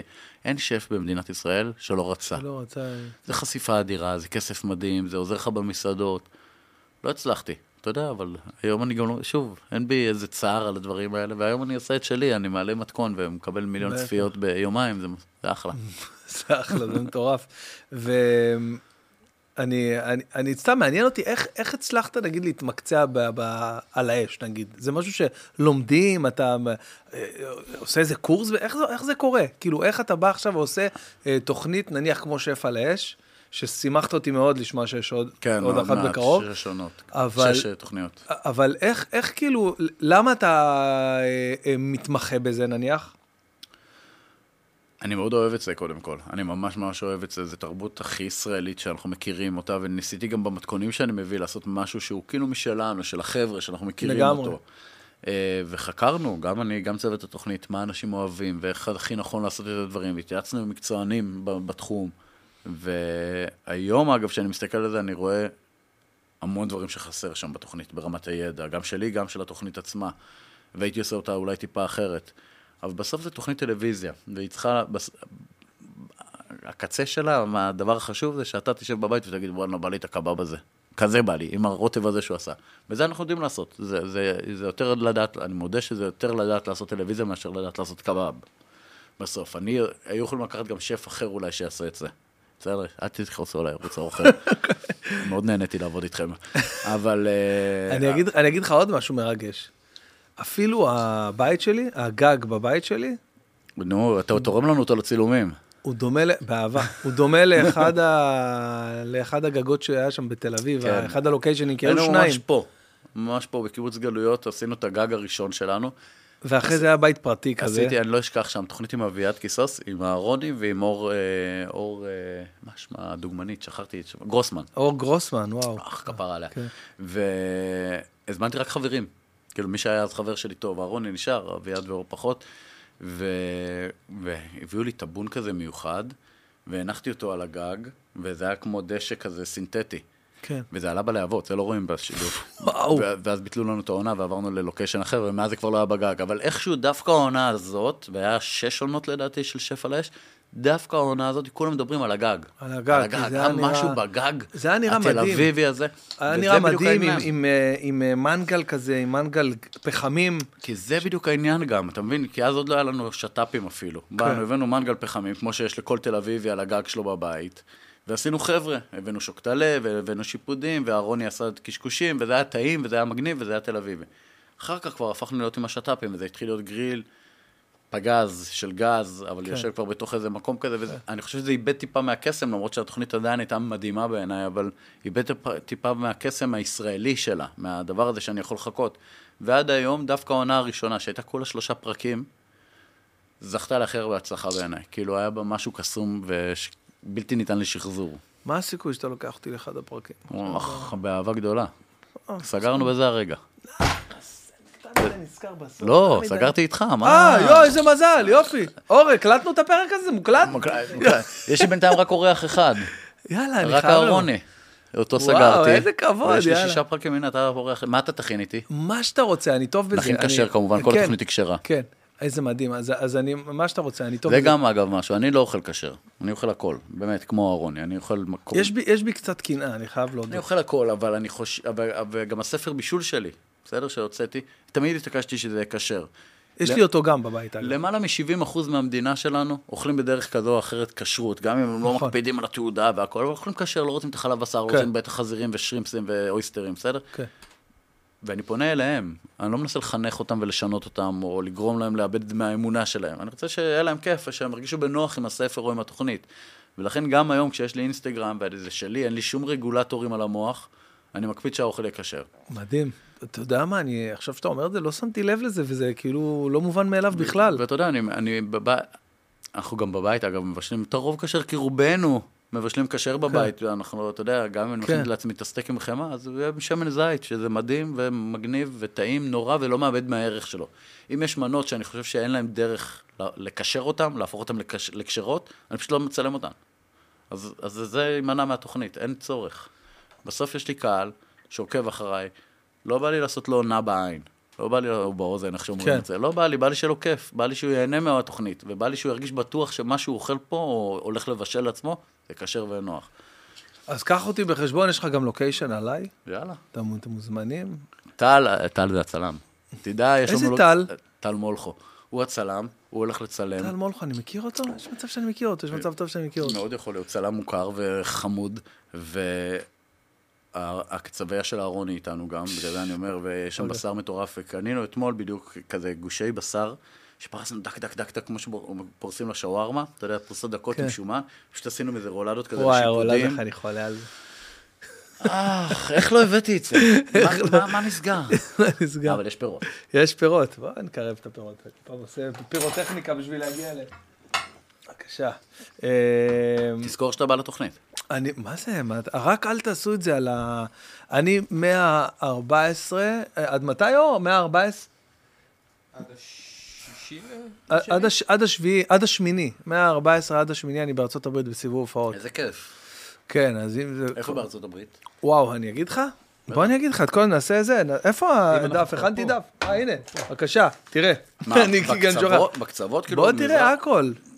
ב-18 לינואר, אגב, אני לא סתם אומר את זה, אני אומר את זה לכל מי שמאזין, אני לא יודע מתי הפרק הזה יעלה, עוד שבוע, עוד שבועיים, לא יודע כמה זמן, אבל אה, אני מניח שזה יהיה לפני זה, ועדיין יהיה כרטיסים לקנות.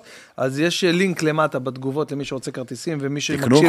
מי שמגיע, ל- מי שמאזין לפודקאסט מארצות הברית, אז ב-18 לינואר אני במיאמי, ב-20 אט, אטלנטה, ב-21 טורונטו, ב-23 וושינגטון די.סי, ב-25 לוס אנג'לס, ב-27 קולורדו, ב-30 לס וגאס, ב-3 לפברואר סן פרנסיסקו, ב-4 לפברואר סיאטל, וסוגרים עם מופע ענק בניו יורק ב-6 לפברואר במדיסון סקוויר גרדן. סתם נראה לך, אתה מגזים את זה. כשאתה- מופיע במיאמי, נגיד, ואחר כך בסיאטל, שזה... לא, זה לא אחר כך, לא, יש לא סדר משנה. הגיוני. לא, לא, אני אומר, אבל לא משנה, סתם בחרתי כן. שתי... הבדיחות הן אותן בדיחות? אה, הקור, כאילו, ה- הליבה, ליבת המופע, היא בדרך כלל תמיד אותו דבר, כאילו. כי זה כאילו אבל- מדינות שונות לחלוטין. כן, לא, אבל זה לא, לא, לא אין, אה, זה קהילה יהודית, קהילה, זה חבר'ה ישראלים שגרים שם הרבה שנים, זה, זה מה שקורה, יש, המון מהם, מטורף. מחכים לזה ממש. ה, ה, באופן כללי, גם כשאני מופיע פה עכשיו פעמיים בערב, או, או ארבע או חמש פעמים בשבוע, אה, ליבת המופע היא, היא אותו דבר, היא פחות או יותר אותו דבר, נניח על פני שנה וחצי, שנתיים. תמיד אני מרענן, מחליף, מוסיף. בטוח. אז במשך, בוא נגיד, אם ראית אותי לפני שנה, ואתה בא היום, יהיה איזה חצי שעה שראית לפני שנה, לא יודע אם תזכור, אבל עדיין, יש אנשים שבאים, יש אנשים שחוזרים אחרי חצי שנה, שנה. וואלה. באים לראות את המופע עוד הפעם. אגב, הוא גם תמיד מקבל איזשהו שדרוג אוטומטי, שהוא מאוד מאוד טבעי מהזמן, אתה יודע. סתם, הילדים שלי היו לפני שנה אה, בגן ועכשיו הם בבית ספר, אז זה, זה, זה קצת שונה, אתה יודע, חוויות אחרות, דברים אחרים. אבל אה, גם בארצות הברית, תראה, על כל מדינה ומדינה, ברור שאני אפתח עם איזה חמש, עשר דקות. על אה, המדינה. על המדינה אולי, על, על האנשים שם, אתה מה נפגש יש עם להגיד על. סיאטל? מה... בוא נראה, בוא נראה. האמת שסיאטל זה היה יעד שהוספנו, ואיזה בחור בשם, אם אני שולף אותו, אני גאון, כי זה אני ממש עכשיו במייל. אה, מה, בקשה אישית כאילו? כן, כן, ממש ככה, ממש ככה. אה, אני לא מוצא את זה עכשיו וזה, אבל, אבל אני מצטער שאני לא זוכר את השם שלו, שלח לי הודעה במייל, וקראתי אותה בעשירי לאוקטובר, משהו, אתה יודע, וואי, וואי. ימים קשים מאוד. הוא, הוא רושם לי, אה, בן, שמעתי שאתה מגיע לארה"ב, בבקשה, הייתי אמור לטוס בשביעי לאוקטובר לארה"ב. כמובן שלא קרה, והוא אומר לי, שמעתי שאתה מגיע לארה"ב, בבקשה, בבקשה, אה, תוסיפו גם את סיאטל, תוסיפו, ואני רושם לו, אח שלי, איזה ארה"ב, על מה אתה מדבר, אתה יודע מה קורה, אתה יודע מה קורה, אין אנשים ברחוב, אחי, איזה ארה"ב, אנחנו במלחמה, ו... אמרתי לו, בינתיים אה, כל הסיבוב אה, בוטל, או לפחות נדחה, נראה למתי, כנראה נדחה את זה לכיוון ינואר, פברואר, אנחנו לא יודעים מה יהיה, אתה יודע, באוקטובר חשבנו ש... אחי, חשבנו. שזהו, נגמר העולם. אה, ואז אחרי חודש הוא שלח לי עוד הפעם מייל. הוא אומר לי, תשמע, וזה, תחשבו על זה, אמרתי לו, תשמע, בדיוק עכשיו, אתה...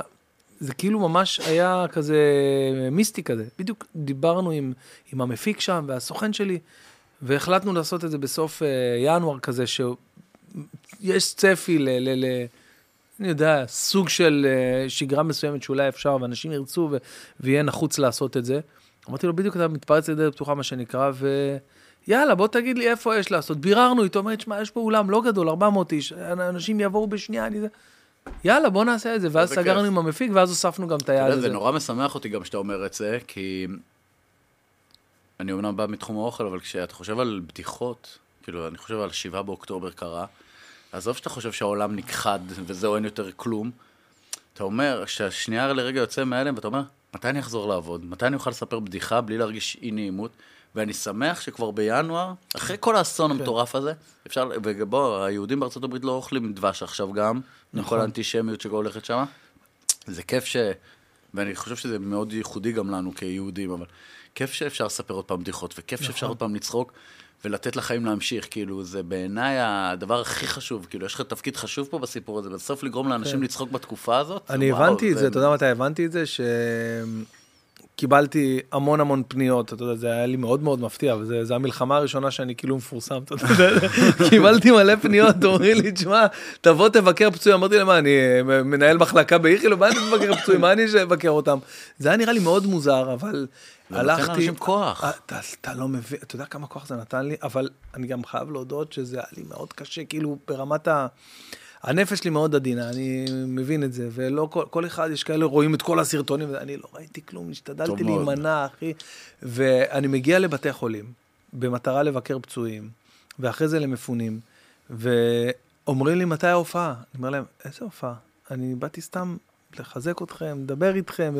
אני לא יכול עכשיו, אני לא יכול לספר, מה אני אספר לכם עכשיו, אה, אה, אה, כמה אשתי משגעת אותי, איך אני אדבר על זה עכשיו? כאילו, את מי זה מעניין עכשיו? איך אני אדבר על זה עכשיו? ובאמת, מה שאתה אומר הכי מדויק בעולם, ישבתי עם עצמי אחרי, המפגשים האלה ואמרתי, מתי אני אוכל, אני, אני, מתי אני אוכל לבוא ולספר בדיחות? פנו אליי מרשת, מכאלה, אתה יודע, טלוויזיה, אמרו לי, תעשה לנו ספיישל עם חיילים. איך אני, איך אני אעשה ספיישל? איך אני אופיע, באמת?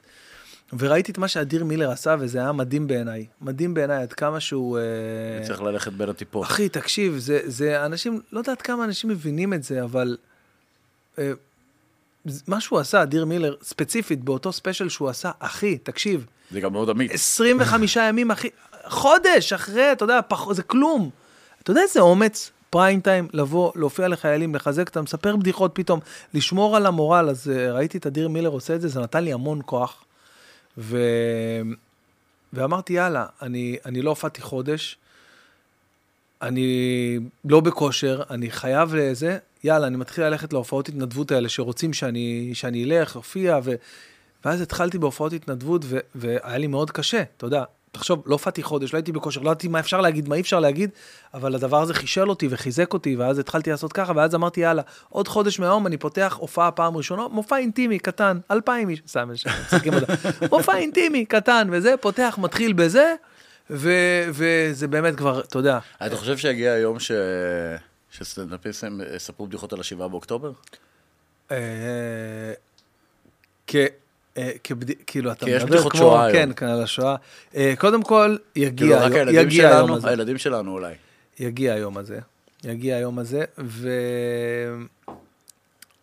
אני רוצה להגיד לך, אני לא יודע אם זה טוב או רע, אבל זה יגיע הרבה יותר מהר ממה שאתה חושב. וואלאק. כי העולם מתקדם בקצב אחר. ואתה לא תראה אנשים... דור. בדיוק. אתה תראה אנשים ש... קומיקאים מעולים, מדהימים בארצות הברית, שצחקו על הספטמבר 11. אה, מי אמר לנו על זה? לואי סי קיי. אה, ספטמבר 11, הם צחקו, איזה בדיחה. אני אספר לך, הם אה, צחקו על הספטמבר 11 אה, כמה שנים בודדות אחרי, שזה היה, תשמע, זה היה מכרה מטורפת בארצות הברית. זה טירוף. לואי סי קיי אומר שהדרך שלו לדעת עד כמה בן אדם טוב או לא טוב, זה כמה זמן לקח לך אחרי ספטמבר 11 לאונן. מה פרק הזמן שעבר בספטמבר 11? זה מראה עד כמה אתה בן אדם. אה, זה מצחיק. מי מי אמר את זה? באיזה פודקאסט זה היה? אני חושב שזה היה, לא עם אסף יצחקי. לא, עם איך קוראים לו? עם... אה, עם אה, זה, עם מוטי רייף. מוטי רייף אמר את זה? נראה לי שמוטי רייף אמר את זה שם. או שאני טועה, אני מתבלבל, אני כבר לא זוכר, אנחנו בלופ מטורף של, פרקים. אז, אה, אז אתה מבין, אחי, אז יש פה בעיה, אתה יודע, יש פה בעיה, ויש לך גם בידיים אה, כלי עזר ו- ו- ופתרון אה, פוטנציאלי משמח, אבל באמת צריך ללכת בין הטיפות, אחי, אתה זה לא נורא מבין כמה. רגיש, נורא רגיש, אני בטוח. תשמע, גם אוכל אה, מנחם ומשמח. חד משמעית.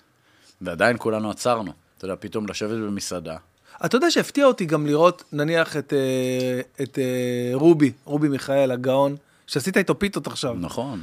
איזה חמוד הוא, אני מת עליו. הפתיע אותי, או, נגיד ספציפית, רובי הפתיע אותי לראות אה, too soon כאילו, או שהוא עושה מתכון, אה, כאילו, כמה, כמה שבוע, שבועיים, לא יודע כמה זמן. בהתחלה זה היה כזה באיזה אה, אמתלה כזאת של מתכון מנחם לימים הנוראים. כן, כולנו קשקשנו. אתה מבין? ואז אחרי זה פשוט קבלו מתכון מטורף שבא לי לעשות עכשיו. אתה יודע, כאילו, בהתחלה אתה אומר, קודם כל לשבת במסעדה, זה לא מרגיש בנוח שמתו עכשיו, נרצחו, כן, נטבחו כן, 1,500 כן. איש, או לשבת במסעדה שכל יום מתים שמונה חיילים. זהו, לא בא זה- לך זה- לשבת, זה- זה עזוב ב- גם ההרגשה. ומצד שני, אתה, זה תמיד על התפר הזה בין איזה נאחס הכל, לבין החיים חייבים להימשך, והעסקים חייבים להמשיך לעבוד. למזלי, אני אומר, לא הייתי לחוץ על הפרנסה בימים האלה ברמה כזאת שאני חייב לעלות עכשיו מתכון, זה, זה, זה, כאילו לא, אז שנייה נעצור, ניתן לזה לי שנייה לשקוע, ולאט לאט נחזור לזה, ידעתי שזה יחזור. אבל... אה, ידעת, מאיזה שלב ידעת שזה יחזור? מההתחלה או ש... או שלקח קצת זמן? לא, ידעתי שזה יחזור. כאילו, ב, מה- מההתחלה, כאילו, ידעתי שקורה פה משהו שלא קרה, ידע, אני לא מנותק, ידעתי שקורה שבוע- פה אסון, שבועיים- אסון מטורף. אני שבועיים, אם לא שלושה, כבר לא ידעתי כלום יותר. כאילו, כבר לא יכלתי... היה לי תחושה מטורפת בהתחלה, כשזה קרה, אני, זה ביום שבת הרי, וביום ראשון בבוקר, אשתי לא הסכימה לי לצאת מהבית. אמרה לי, "אתה רואה, יש עדיין מחבלים, אף אחד לא יוצא מהבית, הילדים בממ"ד נעולים. ואמרתי לה, ממי, שנייה, ויצאתי עם הרכב, נסעתי לכיוון, כבר לא זוכר מה לקנות, וביום כיפור היה יותר אנשים יותר אנשים. ומכוניות ממה שאתה רואה. איזה מלחיץ. זה היה משהו מטורף. רק אחרי חמישה או שישה ימים, העזנו לקחת, והילדים היו תקועים בבית שישה שבוע, לא יודע כמה, רק העזנו לקחת אותם לפארק ליד הבית, שירוצו טיפה עם האופניים ויסתובבו, והיינו לבד, לבד, ואמרתי לה, אז, רק אז, נפל לי האסימון ש... רגע, מה, מתי חוזרים לחיים? כאילו, מה- מה, הולך. לקרות פה? אה, וזה הפחיד אותי מאוד, אבל, אבל כן, עמוק בלב ידעתי שייקח חודש, שייקח חודשיים, החיים חייבים לחזור. החיים חייבים להתקדם.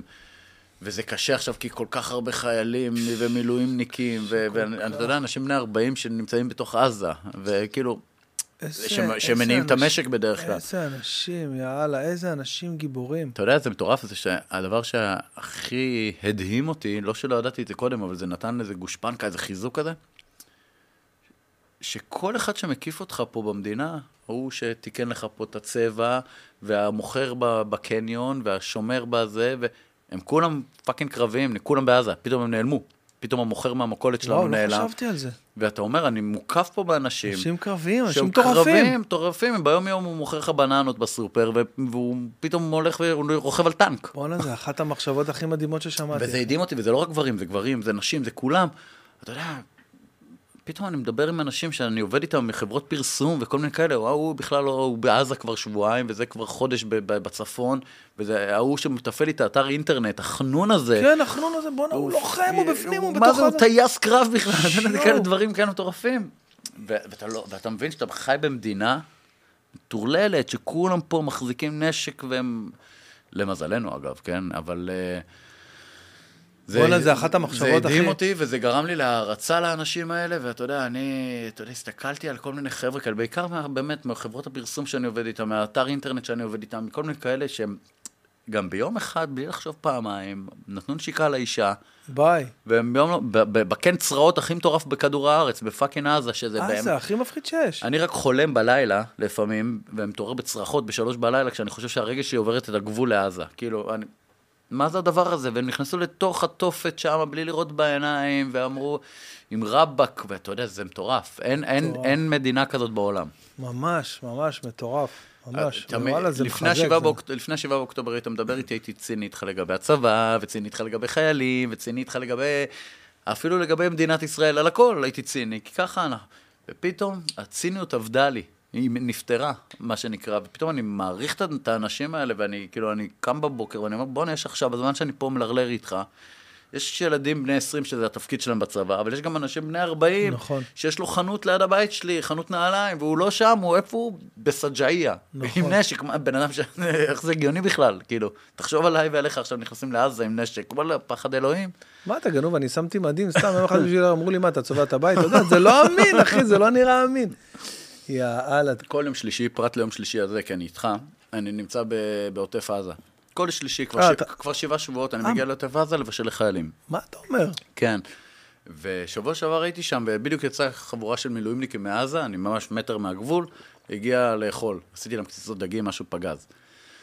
והסתכלתי עליהם ואמרתי, בואנה, זה חבר'ה, חלקם צעירים ממני בחמש שנים, חלקם גדולים ממני בכמה שנים. הבחור הכי מבוגר שם היה בן 49, איזה מפקד כמו בסרטים, אתה יודע, הולך ככה.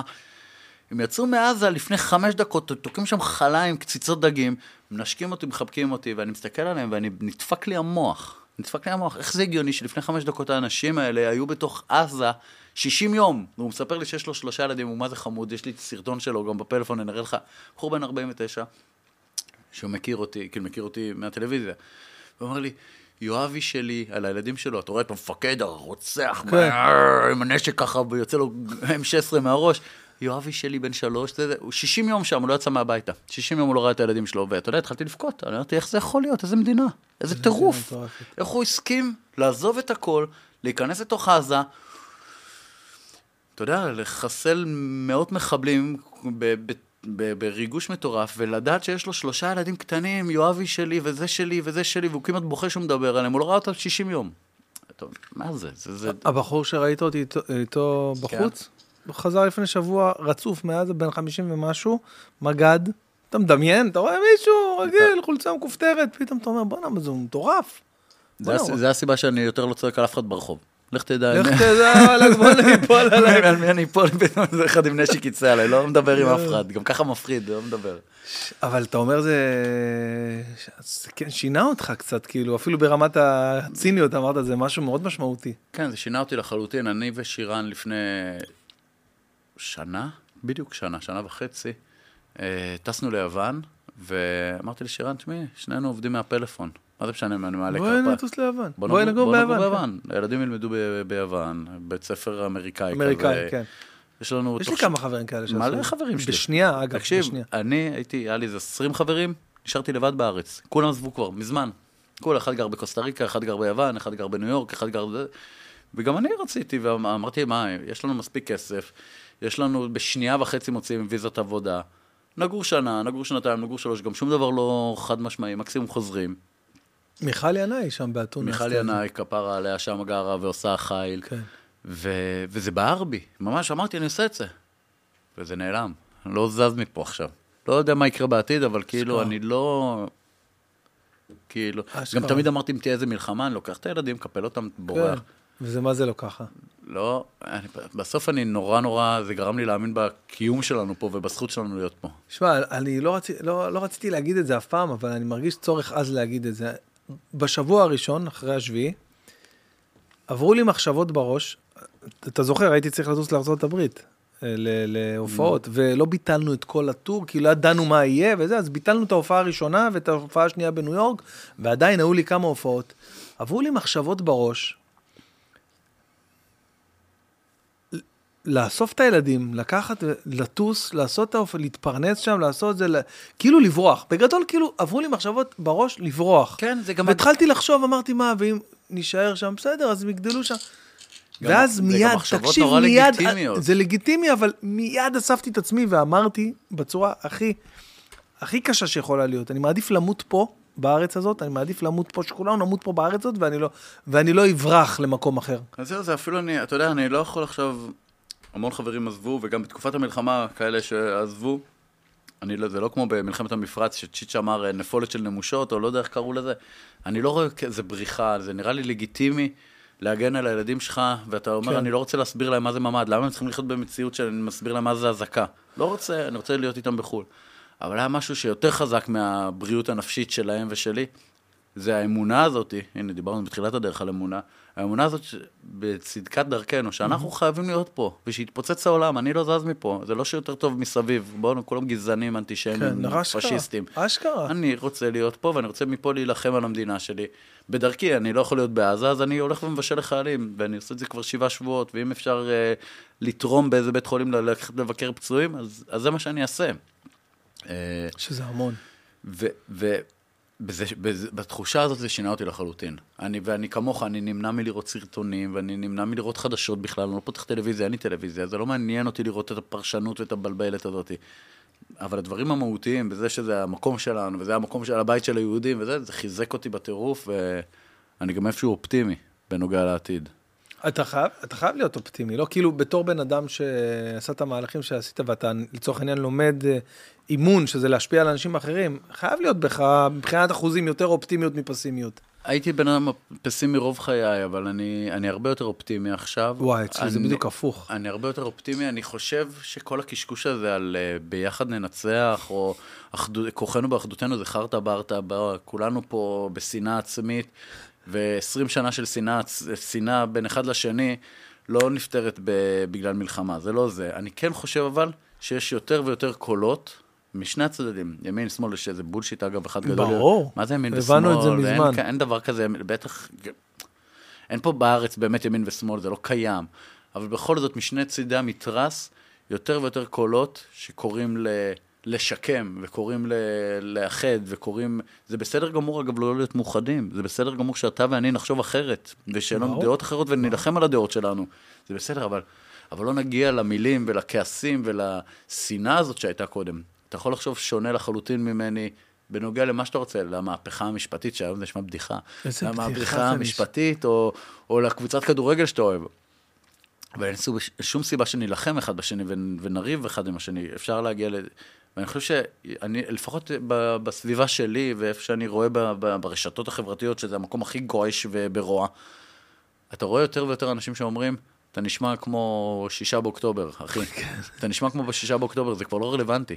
שאנשים פונים אליי, אתמול הגבתי על איזה פוסט גם, שצריך לעשות ריסטארט למדינה, וזה לא מעניין אותי לא גנץ ולא ביבי ולא... כולם שעופו, ולהתחיל פה משהו חדש עם דור חדש, שבאמת, על הערכים של... לש- שעליהם הקמנו את המדינה נכון. הזאת.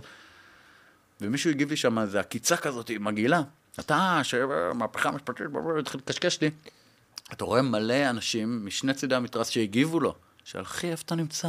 איפה אתה נמצא? כבר די עבר, אנחנו במקום חדש, נשחטו. וואי, הלוואי שזה יישמר. נשחטו. אז אני וואי, לא יודע וואי. כמה, אני לא בטוח שזה יישמר לחלוטין, ואני מכיר את הציניות בנושא של להגיד, טוב, בזמנים קשים כולנו מאוחדים, וברגע שיהיה טוב פה, אני לא חושב שהולך להיות פה טוב כל כך מהר, ואני חושב שיהיה טוב רק אם נצליח לשמור על הדבר הזה, וכדי לשמור על הדבר הזה, אני מנסה גם לשמור על אופטימיות שנצליח, וכל אחד בגזרה שלו, בחלקת זהו, אלוהים שלו. בפרקטיקה, מה, מה, מה אתה עושה, מה אתה מרגיש שאתה עושה אחרת היום? או שצריך לעשות, כאילו, לא רק אתה, בעצם כולנו. אני חושב שצריך להפסיק לעשות דווקא קודם כל, ו- ו- ולשנות שנייה את הטון דיבור. אתה יודע, את, ה- את המילים שאנחנו מוצאים מהפה, יש להם המון כוח. ו- אני הפסקתי משהו מאוד אה, קטן אה, וספציפי, הפסקתי אה, לצפור ברכב. לא נניח. צופר יותר. לא נ- צופר יותר. נניח, לא צופר יותר. לא מקלל את האיש, את האיש לידי שחתך אותי ברמזור. כאילו, שנייה להוריד, גם ליד הילדים שלי, אני הרבה יותר רגוע. אני הרבה יותר רגוע לידם, אני מחנך אותם להיות הרבה יותר רגועים, ופחות עצבניים על הכביש, ופחות עצבניים ברחוב, ו... ושהגננת אמרה, וזה עשה, ואני מנסה לשמור על איזה רוגע מסוים, ויש לי גם הרבה כוח ברשתות, שגם שם אני מנסה לשדר דברים שפעם בזתי להם, אבל סוג של אחדות, וסוג של אה, אנחנו ביחד, וזה לא מעניין אותי אם אתה מציונות דת, דתית, אצלי אתה תקבל את האוכל הכשר, והכל בסדר, ואני מכבד את זה, ואני לא אעלה דברים ביום כיפור דווקא כדי לעשות, למרות שאני חושב שיש לי את הזכות, כן, לא, זה לא, לא, זה לא כיפור, סותר. זה שלי, וזה- זה לא סותר. ועדיין, אם אני יודע שזה פוגע בכל כך הרבה אנשים, אז אני אשתדל בגזרה שלי להיות יותר עדין עם הדברים האלה, ואני מצפה מהצד השני, לא מצפה לכלום, אבל אני מקווה שגם הצד השני יקבל את הדברים שלי ויעשה אותם. אה, יש לי- ואני יש- חושב שיותר ויותר אנשים, אני ראיתי תמונה שהדהימה אותי, אתה יודע, ב- ב- באקספו בתל אביב, שרואים שם את אנשי האחים לנשק, מחובקים עם הציונות כן, הדתית. זה- נכון. בואנה, זו תמונה שלפני חודשיים, שלושה, הייתה מציא, לא מציאותית, נכון. היא הייתה דמיונית לחלוטין. נכון. והאנשים האלה בסוף הובילו את השינוי. אני חושב שאפשר לתמצת את כל מה שאמרת למילה אחת, רגישות. כן. פשוט כולנו צריכים עכשיו ליחצן ולשווק כמה שיותר. הרעילו אותנו במשך שנים פה. ממש שהרעילו ככה. אותנו במשך שנים שאתה ככה. צריך לשנוא, שאתה צריך אה, לכעוס, ש... שהכל פה מהותי ברמה כזאת שאם אתה לא תילחם על זה עכשיו, ייקחו לך את ה... לא ייקחו לך כלום, והכל בסדר, ואתה צריך שנייה להוריד. כולם צריכים להוריד את הלהבות, ולהבין שהאויב זה לא, אתה לא האויב שלי. האויב יושב בחוץ ומחכה לצלוף בנו. זה מה שקרה בדיוק. והוא, והוא עשה את זה, יופי הוא עשה את זה, ואם אנחנו נמשיך ככה זה, זה לא ייפסק גם. ו, ואנחנו הסכנה האמיתית של עצמנו. ואנחנו צריכים ל, ל, להתאחד בינינו ולהיות הרבה יותר טובים אחד לשני, והרבה יותר רגועים והרבה יותר רגישים, כמו שאתה אומר, אחד לשני. ואני חושב שאפשר לעשות פה פלא, פלאים ופלאות, מה שנקרא. עומר, בוא נעשה קמפיין אה, לרגישות בעם ישראל. בוא אני- נח- בוא נייחצן את היה פעם, הרגישות. ב... אני חושב שאיך קראו לו, הבוגד, טל מוסרי. אתה זוכר, כן, כן, זה, סימן, זה סימן בשבילי. כפרה טל איך היה יושב- אצלי בשולחן כל הזמן, אני חולה עליו, אבל... וואי, בואנה. שולחן שלך, יא ורדי. אתה זוכר, היינו יושבים שם על הבר, אתה יודע, לא, לא הייתי שם בחיים, והשם הזה הוא כל כך... אה, מה זה, זה, זה, אני חושב שזה, בואנה, זה אחד מה, אחת מהמסעדות, הייתה מסעדה מטורפת בעיניי, דווקא בגלל שהיא היא קודם כל קמה, אתה יודע, בלב רוטשילד. בן כמה היית? פתחתי אותה כשהייתי בן 30. וואו, בואנה, לא מאמין. אה, פתחתי אותה, כן, בואנה, עברו 14 שנה. פתחתי אותה כשהייתי בן 30, בדיוק הכרתי את שירן. פתחתי את המסעדה, ו... והייתה בלב רוטשילד, ומהיום הראשון לא הייתי מרוצה ממנה. אה, העיצוב לא כמו שרציתי, לא. והבר לא כמו שרציתי. ולקח לי שנה, שנה להיכנס לזה ולשנות אותה כמו, שתהיה כמו שאני רוצה. אני זוכר שהיא הייתה top of the, כאילו, בשנה הראשונה היא נבחרה למסעדה הטובה בתל אביב, ובעיתונים וזה, והייתה, ואני לא יכולתי לשאת אותה. לא יכולתי לשאת את הבלגן הזה. ו... מה זה, פרפקציוניזם מוגזם, לא? ורק אחרי שנה, כן, או לא יודע, אבל רצון שזה יהיה מעולה. ובשנה אחר כך הקמתי כבר את הבר בחוץ, וזה הפך להיות איזה מקום מפגש שכולם באים אליו, אתה יודע, כל הסלפס לצד כל האנשים שאוהבים אוכל, ולא משנה, זה היה מסעדה שמפוצצת באמת כל הזמן, וזה היה מרגש ממש לשבת שמה, מהצד ולהסתכל, או מהמטבח. אה, זה הייתה, היה מקום טוב, היה מקום טוב. אתה יודע מה חסר לנו, לדעתי, אה, לעניות דעתי, מבחינה קולינרית פה במדינה? נו. אה,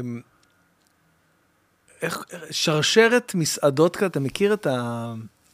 בספרד, במדריד, יש את השרשרות, שרשרת מסעדות, לא, של, לא שהן אה, קשורות אחת לשנייה, אבל מסעדות, רצף של מסעדות של טאפסים, שכל אחד מגיש, אתה יודע, משהו אחר, ו, ואתה קונה את הבירה ומקבל בצד, כאלה קטנים כאלה, אין את זה בארץ. אתה יודע למה? כי בארץ הטאפסים בספרד, שיש לך שדרה שלמה של מקומות שאתה בא ואתה יושב על בירה יש גם 15 מיליון תיירים. נכון.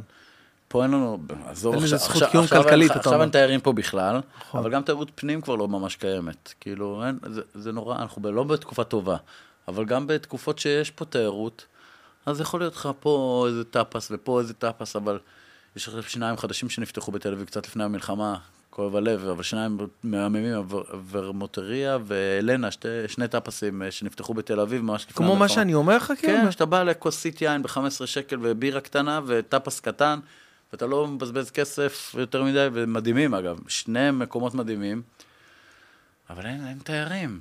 וגם מי רוצה לבלות עכשיו? אתה יודע, הכל כן. כזה כבד, הכל לא נעים. זה לאט לאט משתחרר שוב, אבל, אבל זה ייקח זמן. ייקח זמן זה מה שעברנו פה, זה, זה לא, לא אירוע רגיל. זה אה, ייקח בטח. זמן. זה- איך הכרת את אה, שירן שלך? באינסטגרם, די, נו. באלוהים. זה אמיתי. אינסטגרם. נפרדתי מחברה שלי, והייתי שבור לב לגמרי, וטסתי לניו יורק, וטסתי לניו יורק כי הייתי לפני הפתיחה של שולחן. ורציתי לקבל קצת השראה, לראות, וגם ככה הייתי בדיכאון מטורף, וטסתי וטסתי לבד. ובאחד הלילות, באחד הימים שם, כשהייתי צעיר, אמרתי לך, בגיל 18, משהו כזה, עבדתי בניו יורק. והלכתי לאותה מסעדה שעבדתי בה, כדי לגלות שהיא נסגרה. ועל חורבותיה הקימו את אחת המסעדות הפאר אז בימים ההם בניו יורק, שני כוכבי משלן וזה, וסיפרתי שם לה- בכניסה שאני, בגיל 18, אמרו לי, בוא, תזמין מקומות אלינו. באתי, ילד בלי כסף, בן 19, בלי כסף, שעבדתי שם הייתי בלי כסף, אחרי זה הגעתי בגיל 30, שבור לב וזה, בלי אה, יותר מדי פרנסה בחיים. הגעתי לשם, ישבתי במסעדה מפונפנת של שש שעות ארוחה, וצילמתי מנה-מנה, אז התחיל האינסטגרם, ממש תחילתו, חיתוליו של האינסטגרם. כן. צילמתי מנה-מנה, והעליתי את אחת המנות שם לרשת, לאינסטגרם, ובחורה בשם שירנקה הגיבה לי. אז הייתה לי, יואו, איזה טעים, אני רוצה כזה. עכשיו, הייתי שבור לב, אז ישר אמרתי, אני מתחיל איתה. וכתבתי לה, חוזר לארץ, מכין לך. מעולם לא הכנתי לה עד היום.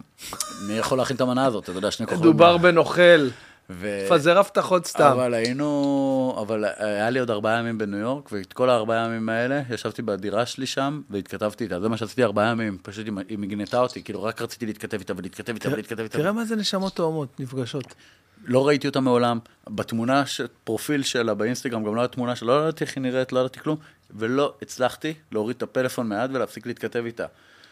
נחתתי, טסתי לחזרה לארץ, נחתתי בארץ, וראיתי הודעה ממנה, נו, נחתת? אמרתי לה, כן, היא אומרת לי, איפה אתה? אמרתי לה, בדרך לרוטשילד, לאיפה שאני פותח את המסעדה. היא אומרת לי, אני ברוטשילד 12.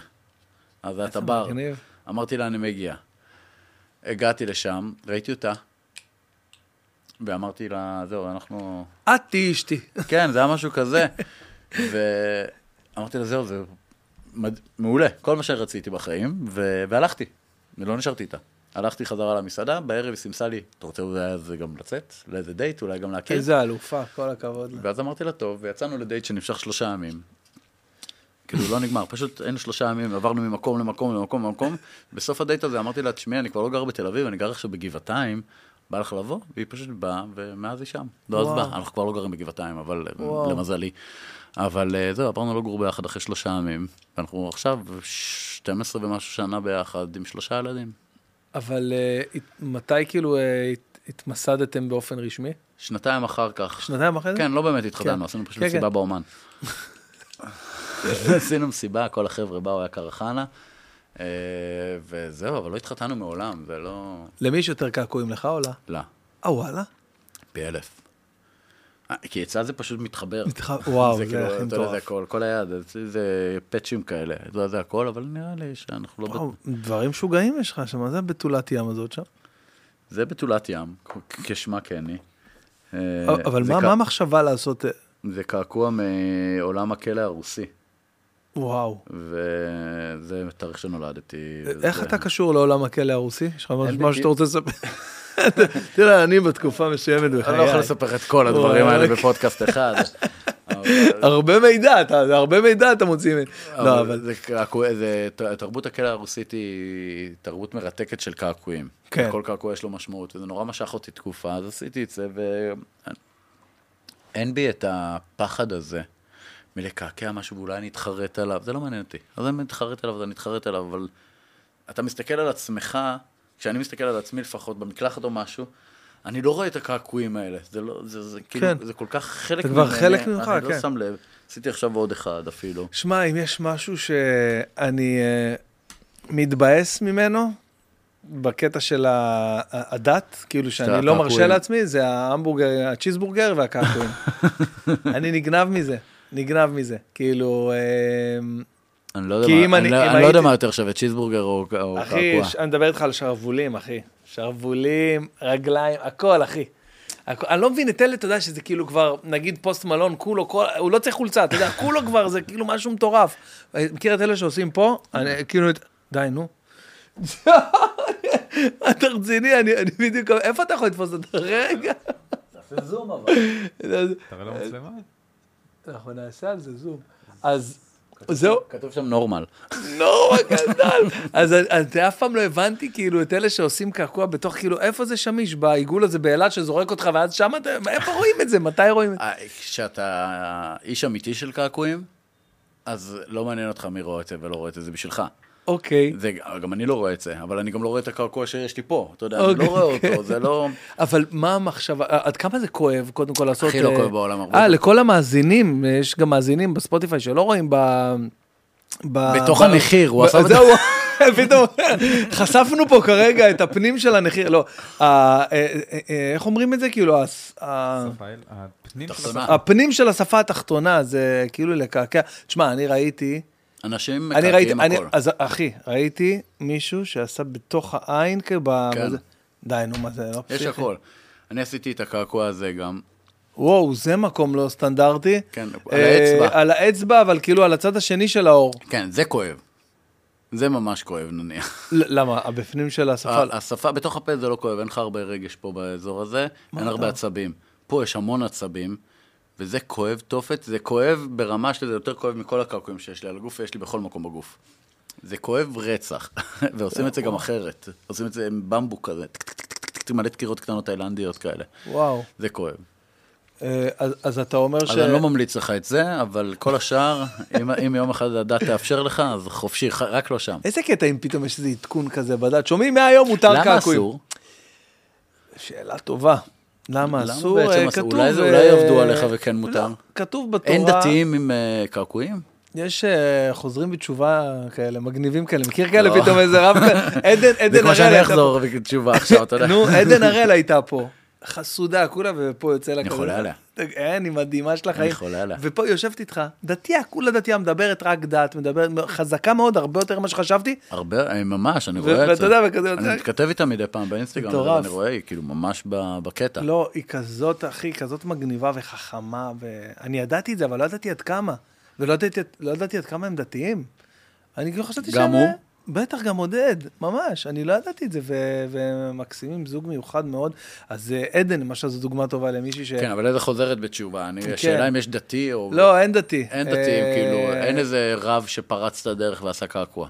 לא. אנחנו פונים מכאן לכל אה, רבני ישראל. לא, אני רוצה להבין, אני רוצה להבין מה- למה לא לקעקע, כאילו, מאיפה זה עומד. אה, כתוב בתורה, לא תיתן על בשרך כתובת קעקע, ממש אה, ממש ככה. כתוב. ממש כתוב. אה, וואלה. כי זה היה אז סמל העבדות. סמל, גם סמל לעבדות, וגם המצרים הקדמונים, הם, היה להם חלק מהתרבות שלהם. זה כאילו מנהגי גויים כאלה, אתה יודע. כן. אבל, אתה יודע, אני פשוט לא מתרכז במשפט. חייבים לעשות עדכון. אני, כן. אני פשוט, שמירת אה, הדת וההלכה אצלי היא כאילו, אתה ככה תמיד היית, או שזה משהו שעם השנים? כן, ככה תמיד הייתי. אני פשוט חושב מה, מה אימא שלי לא, תס, לא, לא יעשה לה טוב. כן. בדיוק ככה שאני אעשה. אה, פחות איך זה כתוב בדיוק בתורה, אבל אה, להגיד לך ש, שיש דברים שלא מבאסים כמו זה וכמו זה, זה כן. אני בגיל יש. 15 אמרתי לאמא שלי שאני רוצה לעשות קעקוע ואני צריך את החתימה שלה, ו... אה, וואלה, צריך חתימה לזה בגיל הזה? מתחת לגיל 18. אה, אוקיי. אחרת אתה הולך לעשות את זה באיזה מקום מפוקפק ואתה חוזר עם איידס, אבל... אה, איידס ומוגלה. איזה אה, סיכון. כן, אז היה מפחיד המילה איידס, זה לא כמו היום, אבל... הלכתי ונורא חששתי מהתגובה שלה, ואני נורא פתוח עם אמא שלי והכל, אבל נורא חששתי, ואמרתי לה, אמא, אני רוצה, אני צריך חתימה, אני רוצה לעשות קעקוע של שדון על הגב או משהו כזה, והיא אמרה לי, וכמה זה עולה? זו השאלה הראשונה ששאלה אותי. אמרתי לה, לא יודע כמה זה עולה, והיא אמרת לי, ועושים שם לכל הגיל. קיצר, היא נורא רצתה לבוא ולעשות איתי קעקוע, ואבא שלי אסר עליה. כאילו, אמר לה, לא, לא, עדנה, מילא הבן שלנו דפקה, אבל כאילו, כן. את לא. אבל זהו, אה, ומה הראשון שעשית? שדון על אה, הגב. אה, עשית את זה בסוף? בטח שדון על הגב. להגיד לך שאני גאה בקעקוע הזה, או שלא הייתי עושה אותו אחרת? עשיתי אז כי ראיתי את זה בספר של המקעקע, שדון, שחשבתי שהוא צייר, אבל מסתבר שיש אותו לחצי מדינה. וואי, איזה קטעים. אה, אבל שוב, זה, זה, אני רואה בזה מזכרות, איזה סימנים כאלה של תקופות. אתה זוכר שפעם מי שהיה לו קעקוע, היה לו פשוט קעקוע, אחד? כן. זוכר שפעם מישהו היה לו קעקוע על הגב כזה מאחור? היה בתיכון, שכאילו, תמיד יש את הבחור המגניב של השכבה שהיה לו קעקוע קעקוע פה, אתה יודע, פה, כן. בכתף, והוא הוא גם בחורף הולך עם גופיות. נכון. שכולם יראו את זה, וזה היה אחד. וגם אני, גם אני זוכר שאמרתי לאמא שלי, אני מבטיח לך שאני עושה את השדון, וזהו, והמקעקע בבאר שבע אמר לי, עומר, אם אתה עושה את זה, תזכור מה אני אומר לך. זהו, זה- זה- זה התמכרות, אי אפשר להפסיק. הוא צדק. אני- אני דווקא מאוד נגיד אוהב את האלה על הידיים וזה. כן, זה סוסו, אתה רואה? זה כן, גם כאילו... חלק מהחיים שלך, אה? כן, וואו. עכשיו, בתרבות של הקעקועים... מה זה בבא? סבא? סבא, אה, סבא. סבא זה היה הפיצריה שלי בתל אביב, והנה סוסו עצמו ההמבורגר. וזה, חלקם, אתה יודע, סימנים מהחתולים שלי, הילדים שלי. אה, שירן פה מופיע, וגם הטבעת נישואים שלנו עם קועקעת, שירן. אי אפשר. להיפרד, זהו. איזה מגניב, יאללה. אז אה, אני אומר, זה סימנים. פעם אמרו לי גם, מה אם תיפרד משירן ויש לך S? כאילו, נמצא מישהי גם שמתחילה. special. כן, אה, special. my special one, יפה. כן. אה, אני עשיתי כזה, לא עליי כבר הרבה זמן, אבל עשיתי שרשרת, אה, אותו דבר לי ולשירן, אצלה כאילו B ואצלי S. כאילו, זה אמור להיות הפוך, אבל היא כאילו יש לה B ואצלי S. איפה היא? יאללה, בואנה, אהבתי את השרשראות האלה, חבל הזמן. אתה כותב לה על אורז. וואו, זוכר גם, זה היה באילת. יואו, יואו. מחר אני באילת, איך שרפת אותי בסטורי? אין, טס מחר לאילת.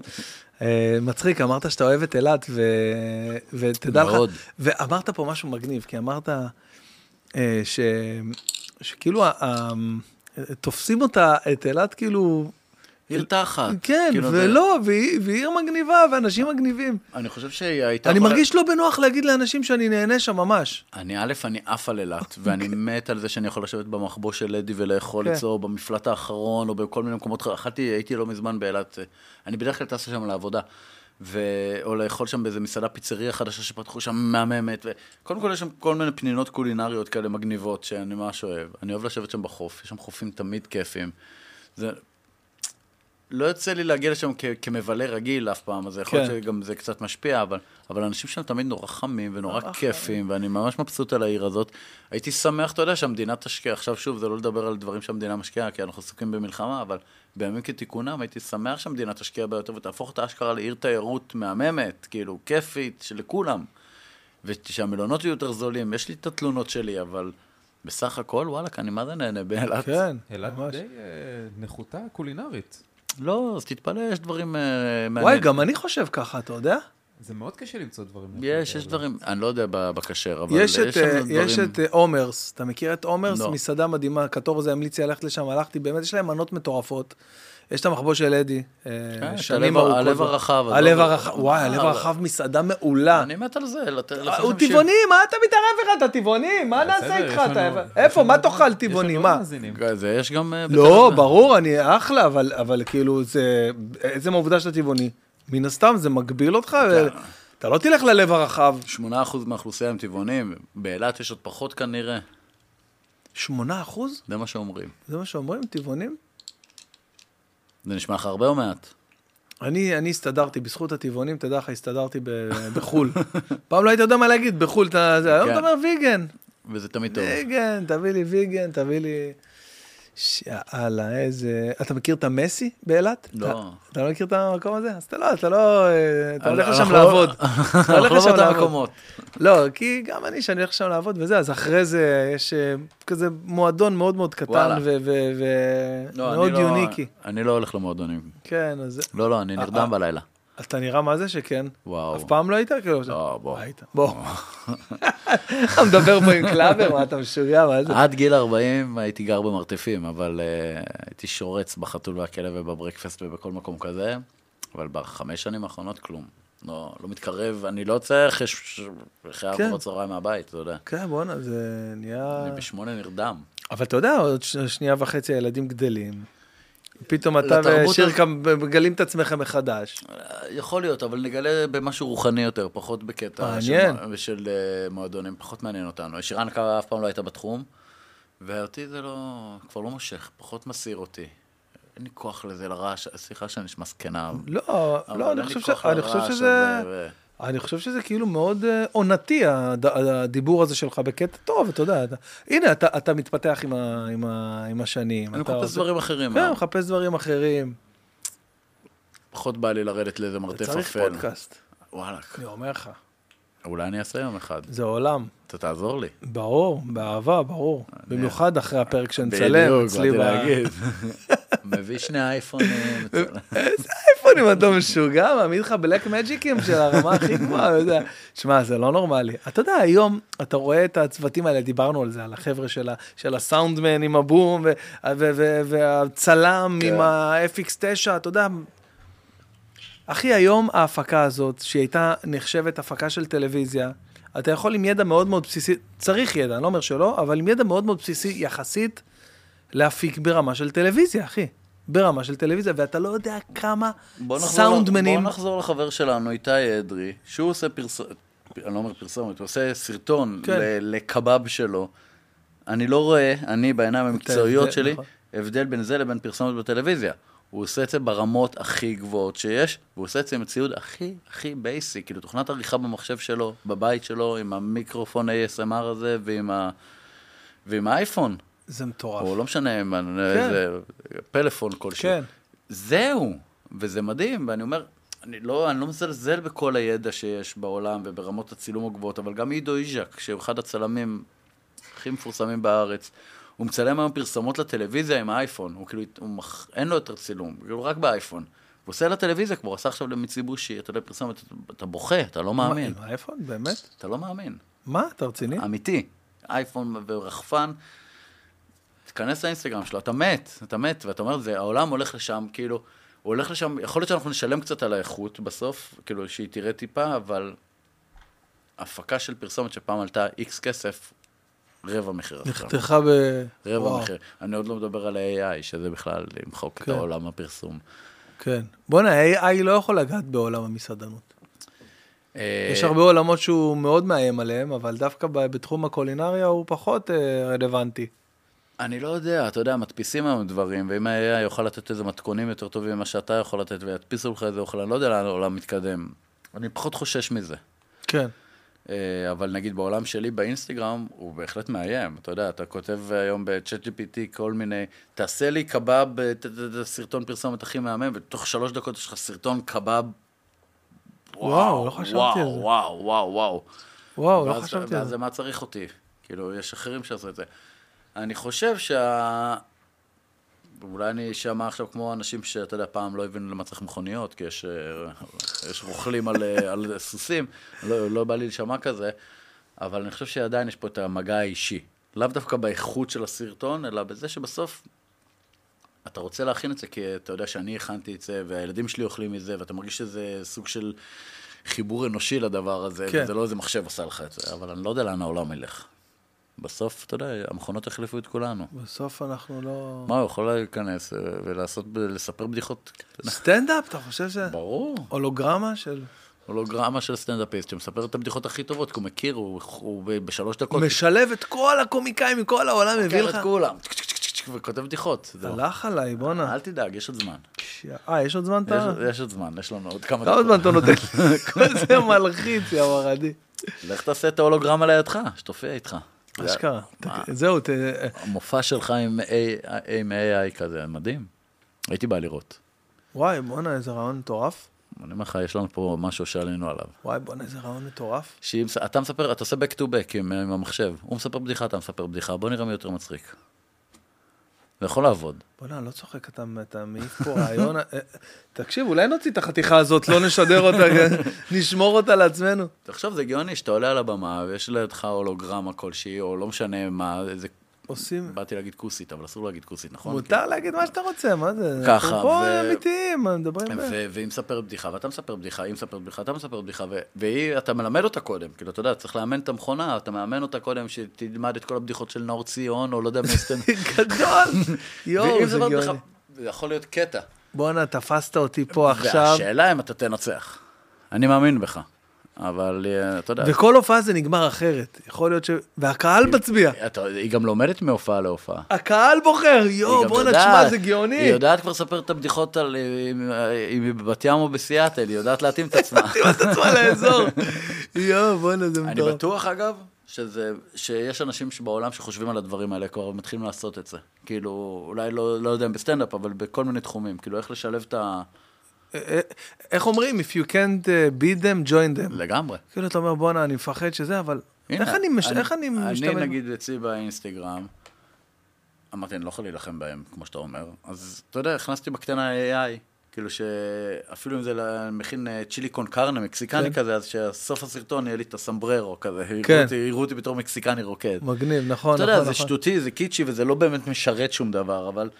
אבל הכנסתי... אני את- חושב שזה כן. אבל, אבל הכנסתי את זה וזה זוכה לתגובות טובות, אבל היום אנשים בעולם כבר, בעולם הפרסום, בהחלט משתמשים בזה, אתה יודע, כאילו כחלק, כחלק מתוך התהליך, כן, אבל לא, לא, לא במקום שחקנים, לא במקום הפקה, אלא כ, כתוספת. אבל אף אחד עוד לא לקח את זה לשלב הבא. של להופיע עם AI. וואי. כמה פעמים בחיים קרה לך אתה לא מאמין, שצילמת עולמות ואה, לא לחצתי record. אתמול הכנתי ארטישוק ממולא. איך אני אוהב. אבל ארטישוק אמיתי, לקחתי, אתה יודע, קילפתי. אמרתי, אני אוהב. כן, זה- ללמד אנשים איך לקלף בבית. זה העונה עכשיו. ואני קולף, והמצלמה פה עם ה stand, ואני קולף, והתאורה בול, ואני רואה איך העלים נופלים, ואני אומר, וואי, מה אני עושה מזה, מטעמים, מטעמים, מטעמים, ולא צילמתי. לא צילמתי. הייתי, נאלצתי לקלף עוד ארטישוקים. ואתה יודע, לא עצרתי עוד כמו מפגר, אני מקלף ארטישוק, ועוד אחד, ועוד אחד, ונעשה מזווית כזאת, וזה, איך הגבת כזה? fuck! כזה. fuck! אבל בול. אללה שלי, איזה דפוק אני, אללה. לא בא לי לבשל יותר. מה אני, זה, אתה יודע כמה פעמים זה קרה לי, אחי? איזה תסכול. איזה דבר, יאללה. תדע לך אם יש משהו שאני אוהב מבחינה, מבחינת אה, אה, אוכל אה, עונתי ולא לא, לא בנמצא הרבה, זה את החלק של העלים של הארטישוק, מה שנקרא חורשוף. או, חורשוף. וואי, וואי, כן, וואי. אבל אין, זה רק באביב כזה, יש לך... עכשיו, בתקופה הזאת, עכשיו. לקלוף אותם, זה. לק- סיוט, כל הידיים שחורות. כן, שחור איך איך בגלל אתה- הברזל. אתה מכין? אני מכין מלא דברים, איך. אני אוהב אותך. אחי, מלא דברים. אני עושה מלא דברים, ואני עושה את זה גם טוב. אגב, אני ושירן היינו באוטו אוכל עכשיו, עם אסף ו... אסף ורותי. ורותי. והגענו ל, ל, לרמות הגבוהות. וואלאק, מה כן, הכנת? עשינו, עשינו מלא דברים אה, מיוחדים, טובים. עשינו אה, בריק כזה, אתה יודע, בטח. עשינו בריק, אבל בפנים עשינו אותו עם אה, מעורב ירושלמי אוח. כזה, מגניב, עם בית, הכל, ב, ב, אה, בין, בין שתי ה... לקחתי, נכון, בריק זה עם עלה סיגר אחד, אז אמרתי לשירן, בואי נעשה כזה דבר, ניקח שני עלים, ביניהם נעשה מחית של אה, כרובית כזאת, שתדביק ביניהם, ואז בפנים נסגור את זה על אה, מעורב ירושלמי עם ביצה, נשבור על זה ביצה. פגז. אסף גרנית אכל את זה, ואני לא יכול לגלות לכם מה היה, כי זה פורמט של רשת, בואו, יש אה, רגולטור על הדבר הזה. אז אה, חתום על NDR. חתום על MDR ועל MKR ועל MDF ועל CBB. מחר זה מנה בשבור בפריז. אחי, לכבוד הוא לי, מה אתה גנוב אם אני נכנס ל... אם אני נכנס ל... תראה איזה מלך אסף, אוקיי? הוא התבאס אני שאני רוצה רק מספר את זה. להגיד לך שאסף, אתה מכיר אותו טוב, אבל הוא באמת מלך. הוא מלך, הוא אחי. כאילו באמת אחד השפים, לא, עזוב את הזין שלי שפים. הוא אחד אחד האנשים האנשים, נכון. הכי מגניבים אחי, שיש. תקשיב, איזה, איזה מענץ', אחי, תקשיב. אה, שירן הייתה אה, אה, בפריז מהעבודה, נסעו מהעבודה, יש להם כל מיני מחזורים כאלה שנוסעים, קבוצות כאילו מהבנק, עובדת בנק, והיא נסעה כזה ראשון עד חמישי ל... לפריז, סחבק עם ארבעה ילדים לבד בבית, כבוד. בקיצור, בקיצור, אסף היה פה בפודקאסט כאילו כמה שבועות, או לא זוכר כמה זמן לפני. והוא, ואמרתי לו, היי, אשתי טסה לצרפת עוד מעט. הוא אומר לי, שהיא שם, דבר איתי. עכשיו, אתה יודע, הרבה אנשים אומרים, אחי, דבר איתי, זה, דבר איתי שאתה שם, זה, דבר איתי. אתה יודע, וזה לא קורה. עכשיו, מה, אני אשגע את אסף עכשיו, אז היא בזה... לא יודע, מה שהוא אמר לי, שלח לה, אה, כאילו, שירן אמרה לי, תשמע, אה, אנחנו פה כמה חברות, אנחנו מתות ללכת למסעדה של אסף גרנית, אבל אין מקום, כאילו, אין באמת מקום להזמין. אמרתי לה, תקשיב, המסעדות האלה באמת אין מקום, אין מקום, אין מקום, לא המציאו עוד שולחן. אבל אמרתי, יאללה, נשלח לאסף הודעה. שלחתי לו הודעה, ארגן למקום. זה כל מה שרציתי, אתה יודע, שיהיה להם מקום במסעדה. זה לא נגמר בזה, אחי. פינוקים, עניינאז'. הוא אמר לי, תשלח לי את השם שלה והכל, ועזוב את הפינוקים שהם קיבלו, אחי, הוא הוריד לה 50 אחוז מה, מה, מה, מה, מהעלות. אחי, אני לא, בק... לא, לא נעים לי, אתה יודע, עזוב את זה. הוא הביא להם לשולחן, אחי, סלסלה ענקית של ורדים. מי עושה דבר כזה, תגיד לי, מי עושה דבר כזה? עכשיו, שירן, אתה יודע, הייתה בהלם, עכשיו, ליד החברות שלה, וחברות, אתה יודע איך כמה מעריצים את אסף גרנית. בטח. בנות גמורות עליו, אחי. אתה יודע מה זה היה מבחינתם לקבל כאילו את המכתב הזה מאסף, והוא דאג שהכל יהיה טיפ-טופ, וכזה בוקה של ורדים, כאילו, מי חושב?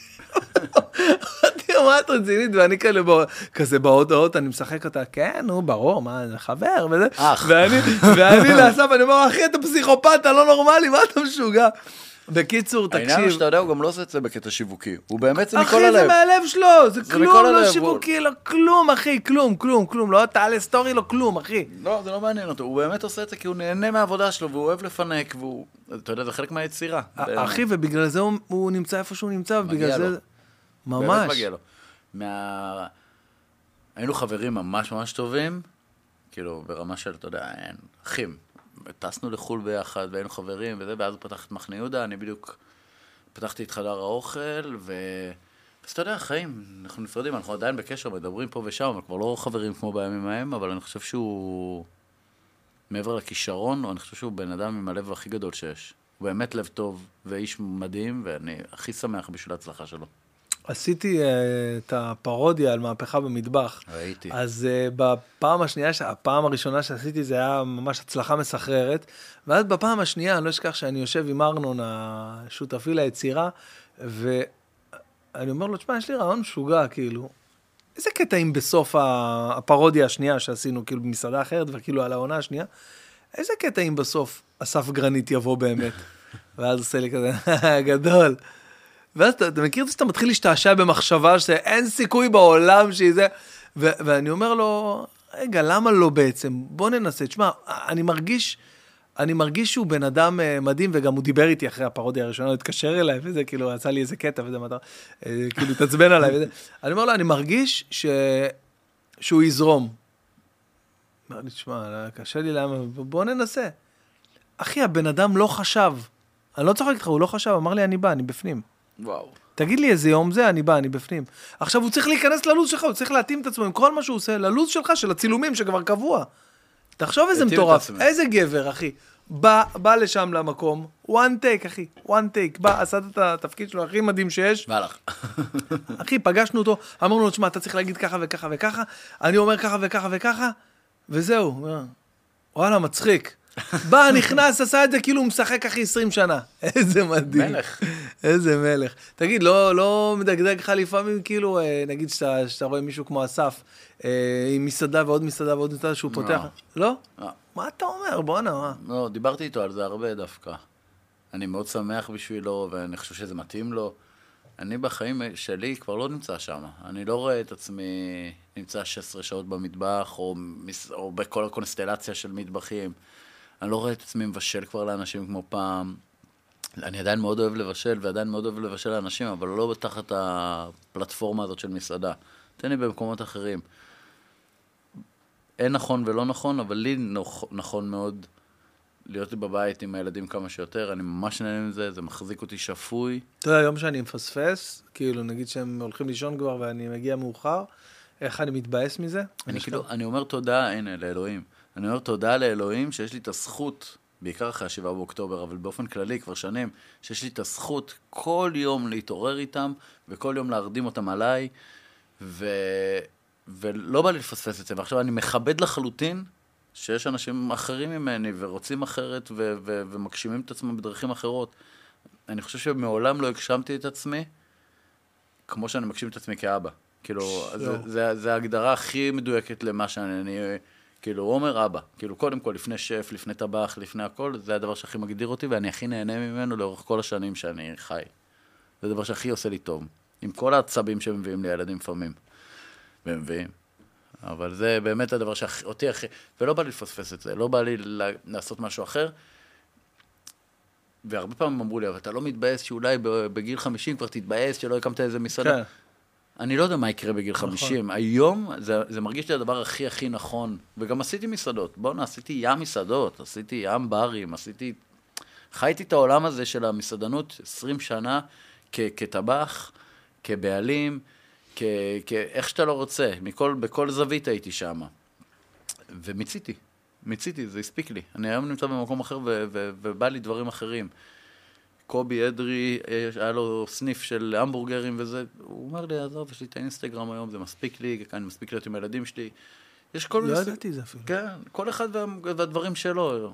ואני לא נמצא היום במקום שאני חש ויתור על משהו. אני מרגיש שאני ממצה את עצמי עד תום, כאילו, ושאני מתפתח לדברים אחרים, אני יכול לעשות עוד דברים חוץ מלהיות במטבח. אז אין בי געגוע לזה, ודיברנו גם על אהרוני, אבל הנה, אהרוני בגיל 70 ומשהו, פתח פתאום איזה ראמן. נכון. אז אתה יודע, never say never, כן. never say never. יכול להיות שבגיל אה, בגיל, בגיל 55 פתאום אני אפתח איזה המבורגריה בוטיק קטנה בראש פינה, אני לא יודע מה, יכול להיות. אתה ושירן מבשלים ביחד גם. כן. קציצות דגים, עכשיו לאחרונה. לדוגמה, הילדים שלכם זה המתכון הכי מטורף שעשיתם ביחד? שלי, של שירן, שלי ושל עידו אלדר, הרופא פוריות שלנו, שחקר אותם. זה מתכון משותף. אני לא לבד ביצירה הזאת, היה פה עוד בן אדם, אני כולו הייתי בחדר והביאו לי כוס פלסטיק. יואו, יואו. אתה מבין? אפילו לא היה בינינו מגע כדי לעשות את הילדים האלה, אבל אה, כן, אני בהחלט חושב שזה... אנחנו 12 שנה ביחד, הילדים איתנו 4 שנים, הגדולים, הקטנה 3 שנים, וזה הדבר שאנחנו הכי מתרגשים ממנו כל יום, אבל לא בקיצ'יות, אמיתי אני אומר לך, אנחנו... אני מה זה מאמין לך. אנחנו מתרגשים מזה, אתה יודע, היא שולחת לי, גם הנה עכשיו שאנחנו פה, היא שלחה לי כבר 13 תמונות של הילדים מהגן, מהילדה חולה, מהזה, זה, זה, זה. אנחנו, אנחנו, 90% מהיום שלנו על הדבר הזה. עברנו בקשר שלנו עליות ומורדות בלי סוף, כמו כל זוג, למרות שהייתה לנו התחלה קסומה, נפרדנו וחזרנו ורבנו, ואלוהים יודע מה היה. ואני חושב שדווקא ברגע שהתחילו הטיפולי פוריות, וברגע שנולדו הילדים בכלל, הפכנו להיות איזה צוות משומן ומיומן ו- כן. ו- ומתרגש וסקרן. אנחנו חוקרים כל הזמן על עוד, עוד ועוד על הורות ועל ילדים. ואנחנו ובכלל היא גם מתעסקת עם זה כל כך. היא מתעסקת בזה ממש, כי זה, זה, בחיים לא ראיתי אותה ככה. בחיים לא ראיתי אותה נלהבת ממשהו כמו שהיא נלהבת מהסיפור, לא, מה, לא מהילדים כמו מהאימהות, מה, מהקונספט הזה. וזה מרתק אותנו, אנחנו חוקרים על זה ולומדים על זה, וכל צעד שאנחנו עושים היום בחיים הוא, הוא סביב הדבר הזה. אה, ואני שמח שזה ככה, אני שמח אתה יודע, שזה... זה מדהים אותי עד כמה ההורים שלנו, הדור הקודם, פשוט אה, תוך כדי תנועה, אתה יודע, עבד כאילו על אוטומט, כאילו, עבד על אוטומט. כאילו, וואלה, זה ככה, עכשיו רציתי להגיד ככה, ישפיע עליו, לא ישפיע עליו. יש איזו סטנדאפיסטית ש- בריטית, כן. שמספרת שהיא מכינה לילדים שלה אוכל, אז היא ברעד. אני מכינה, אני מכינה את האוכל, ואני זה, וזה, והיא אומרת שהייתי באה לאימא שלי ושואלת אותה, מה יש לארוחת ערב? אז אימא שלה הייתה מסתכלת עליה ואומרת לה, ארוחת ערב. ארוחת ערב. זה מה שיש, למה? והיא אומרת, לא את השטויות האלה שלנו, של... ואנחנו מנסים לחנך את הילדים שלנו, כמה שזה מצחיק, דווקא כמו ההורים שלי. אתה יודע, אפשר לאכול על הספה, ומתלכלכים מבוץ, ולא מתים מזה, והכל בסדר, והכל רגוע, והכל קול, וברוך השם הילדים אוכלים הכל אצלנו, ומשתוללים, ו... וחיים את החלום, מה שנקרא, ודווקא כל המגננות האלה של הדור החדש, זה משהו שאני מאוד מאוד לא מתחבר אליו, וזה משגע אותי שאנחנו כאילו הדור החדש, אנחנו אמורים להיות המגניבים, אנחנו אמורים להיות אלה, הפכנו, הפכנו להיות הרבה יותר שמרנים. ילד חלילה, אם הוא לא שטף ידיים, אה, אמא מתחרפנת. אני מעלה אתמול, העליתי את הילדה שלי חולה, 39 חום, אוכלת קוסקוס, רק את הפירורים אפילו, בלי מרק. על הספה, 60 מיליון תגובות של הספה, הספה, איך היא אוכלת קוסקוס? יש לי דייסון, אני מעביר וזה, מנקה את הספה, כאילו רבאק, מה אכפת לי? ועכשיו זה, בחור, זה בחורות ובחורים בני 25-30, נכון. שבהיסטריה על הריהוט. אז אתה יודע, אני לא רוצה לשמוע שזה רוחני, אבל מבחינתי זה ריהוט. זה, בסוף זה ריהוט. עכשיו, היא גם לא שישבה שם עם שק של קורקום, ושפכה שם לכל עבר. אוכלת fucking קוסקוס, זה פירורים, תביא את הדייסון ותנקה את זה. אבל יש איזו היסטריה, ואנחנו, הילדים בשבת אצלנו הולכים על הבוץ. אתה יודע, בשדות של הוד השרון שם, בפרדסים. ונטרפים מזה. עכשיו, יש לנו סלסלה כזאת בכניסה לבית, שאנחנו שמים שם את הבגדים עם הכתמים הקשים, וכל פעם שיש גשם, אנחנו, תבחרו שם איזה בגד, גם ככה זה ארוס, ושברו את- כן. השלולית. למה נועדו שלוליות? נכון. יודע? שכחנו מזה, שכחנו. למה נועדה השלולית? שלולית נועדה כדי שילד יקפוץ עליה ראש. זה, בשביל זה. ואנשים אומרים לי, אה, הוא יהיה חולה. ממה הוא יהיה חולה? אני כל הילדות שלי קפצתי בשלוליות, על במה הוא יהיה חולה? למה שהוא יהיה חולה? הלחץ הזה והדאגה הזאת, יש מספיק דברים באמת לדאוג מהם. אל תדאג משלולית ומקוסקוס על הספה, כאילו, תדאג מדברים באמת קריטיים. וזה מדהים אותי, כי זה דווקא הדור החדש, שאתה יודע, מדור לדור, כשאנחנו היינו ילדים אמרנו, אני בחיים לא אהיה כמו אבא שלי. נכון. סליחה, אני ממש רוצה להיות כמו אבא שלי, כי הוא וואלכ שחרר ונתן לנו יד חופשית, והאמין בנו, ולא, נסעתי באופניים והתרסקתי 60 מיליארד פעם, אתה יודע, עם קסדה וזה, ולמרות שזה לא היה מקובל אבל התרסקנו, וואלכ, היום לא נותנים לילד לזוז, עוטפים אותו בפצפצים. נכון. ילדים היום, בגלל זה גם, אני טוען שבגלל זה גם כל המחלות והכל וכל הדברים האלה. בטח. עוטפים את הילדים, לא נותנים להם להכניס טיפה חול לפה, כי חלילה מה יקרה, וואלה, כאלה יש תמונות יושב באשל הנשיא בכפר, אוכל בוץ. נשבע לך, אוכל בוץ, אמיתי. אנחנו כבר אין לנו- אין לנו אה, מה להביא לילד אה, בסנדוויץ' לגן. הכל, הכל אה, אי אפשר. אי אפשר זה ואי אפשר זה ואי אפשר זה. זה מטורף. כל האנרגיות האלה, אני חושב, אני לא יודע, לא, לא, לא בקיא באמת להגיד, אבל אני חושב שיש לזה קשר לכל הרגישויות האלה שנוצרות מכל המעטפת ה... אני חושב שההגנה הזאת והסטריליות, זה גרם לגל של, של מחלות ללא ספק, ואנשים נותנים לילדים שלהם לאכול דברים הרבה יותר גרועים בלי שהם מודעים לזה בכלל, כאילו... אבל כן, זה נהיה... לואי סי-קיי אמר פעם, מי- פעם מישהו שהיה אלרגי לבוטנים, היה אוכל בוטנים וזה עובר לו. אתה יודע שבישראל אומרים ש... שיש הכי פחות אלרגיה לבוטנים בזכות במבה. בזכות במבה, כן, אוכלים כולם, את זה. כן. צחוק צחוק, ש- ארגון הבריאות העולמי הודה שאיפשהו בתחילת שנות האלפיים הוא המליץ להוריד בוטנים לתינוקות, וכתוצאה מזה עלתה... עלתה תחלואה, ב- אה, כאילו אלרגיה, כן. באירופה, כן. אצלנו זה בארץ מזל שב... כי יש זה כמו. שבאיטליה, כאילו, זה אחוז אה, חולי הצליאק צליאק הגבוה הג- בעולם. הגבוה. דווקא בגלל כמות הגלוטן שהם דוחפים, אז אתה יודע, זה גרם ל... ל... לדבר ההפוך. אה, לא הבנתי, הגבוה בעולם? חולי באיטליה? הצליאק. כאילו, יש שם קהילה צליאקית ענקית שלא אה. יכולה לאכול גלוטן, דווקא בגלל שזה... בגלל כל- שאוכלים שם המון פסטה וזה, זה, זה עשה. שם איזה משהו, איזה, איזה טירוף. אבל אני לא יודע בדיוק להגיד לך מה גורם למחלות, ואלרגיות זה דבר אבל ב- רגיש מאוד. אבל בוודאות, כן, נכון, זה דבר מאוד רגיש, אבל בוודאות אני, אני באמת מאמין ש, שהאובר הגנה הזאת שאתה מדבר עליה, היא, אה, היא לא נותנת למערכת החיסונית, לה- להתמודדות הטבעית של ילד. אני, אני, דיברנו פה על נושאים נורא נפיצים בפודקאסט הזה, ואני אומר לך שאני הכי חושש מלדבר על הנושא הזה, כי גם, יש ביקורת אדירה גם באיך שאנחנו מתערבים במערכת החינוך, ההורים. כן. והקבוצות וואטסאפ הזה, יש לי שלושה ילדים בגן, 60 קבוצות וואטסאפ, נכון. קבוצת וואטסאפ של ההורים, קבוצת וואטסאפ של ההורות, קבוצת וואטסאפ של, של ההורים הגננת. בלי הגננת. בלי הגננת, עם הגננת. אני יצאתי מהכל. אמרתי לשירן, קודם כל זה לא בשבילי. אני בטעות אקלל את הגננת בקבוצה עם הגננת, ואקלל את ההורה בקבוצה של ההורה, וזה לא בשבילי הדברים האלה. אני לא רוצה... ובאמת שזה גם לא מעניין אותי. אני שולח את הילד לגן, הוא חוזר בריא ושלם טפו חמסה. נכון. אני בודק את זה, אני קופץ לגן פעם, פעמיים, ואני- וזהו, אני נכון. לא יכול לחיות בטירוף הזה. ממש. לא שהגננות מפעילות אותי, נכון. ולא שההורים מפעילים אותי. נכון. ואתה רוצה לעשות יום הולדת לילד שלך, פעם היית עושה, קונה בלון, שם לו גז- סלסלה כן. למתנות, היום זה עם תיאוריות, כן, ותפיסות נכון. עולם, ומה הנושא, ומה... מה הנושא שלו? הוא בן ארבע. אין לו נושא, הוא רוצה דינוזאור. זה כל כך נכון. שום נושא, תעזבו אותי. וזה קשה, זה קשה, אני רואה את ההורים שהם לחוצים, ו...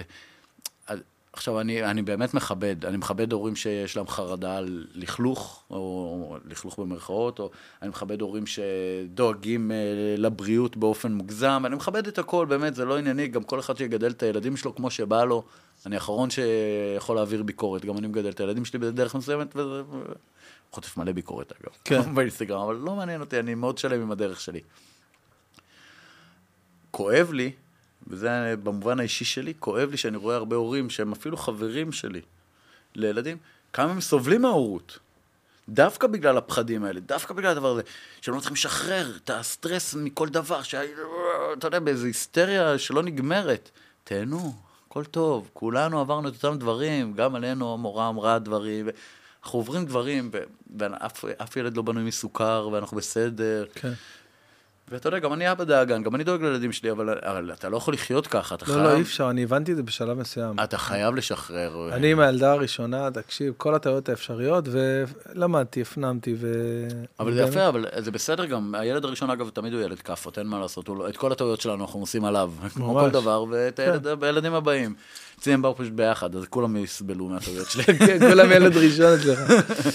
אה, וואי, אני רוצה, אה, טוב, יש לנו כמה שאלות לסיום ככה. מהקהל, ואני רוצה להראות לך את ה... את הקובי אדרי, ראית שעשיתי קובי אדרי? כן, ברור. ראית את זה? קובי ואני חברים טובים. גם אמרתי לו שאני בא. ראיתי אותו עושה פיתות, אמרתי, בוא'נה, אני חייב לעשות גם. בנינג'ה הוא עשה. בנינג'ה, איזה מטורף, תקשיב, זה ממש... אה, קודם כל, זה מכשיר מטורף.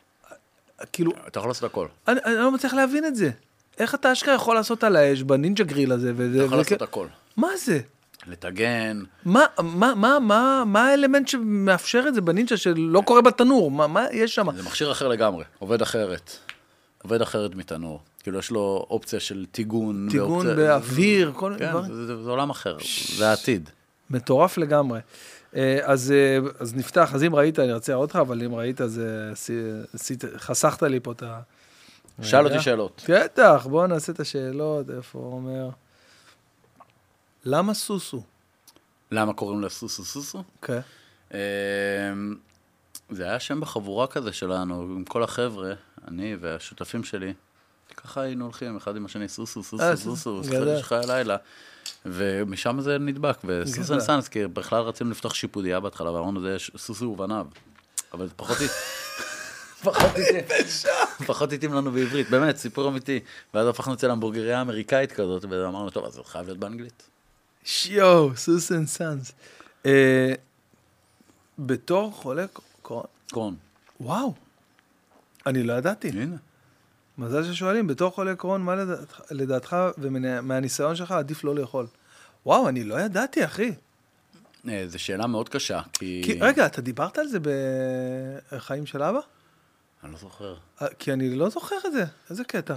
אני לא זוכר אם אה, דיברתי על זה, אבל אה, זו שאלה קשה, כי אין, אין מאכל שאתה יכול להגיד, כל בן אדם בנוי אחרת. בנוי אחר, כן.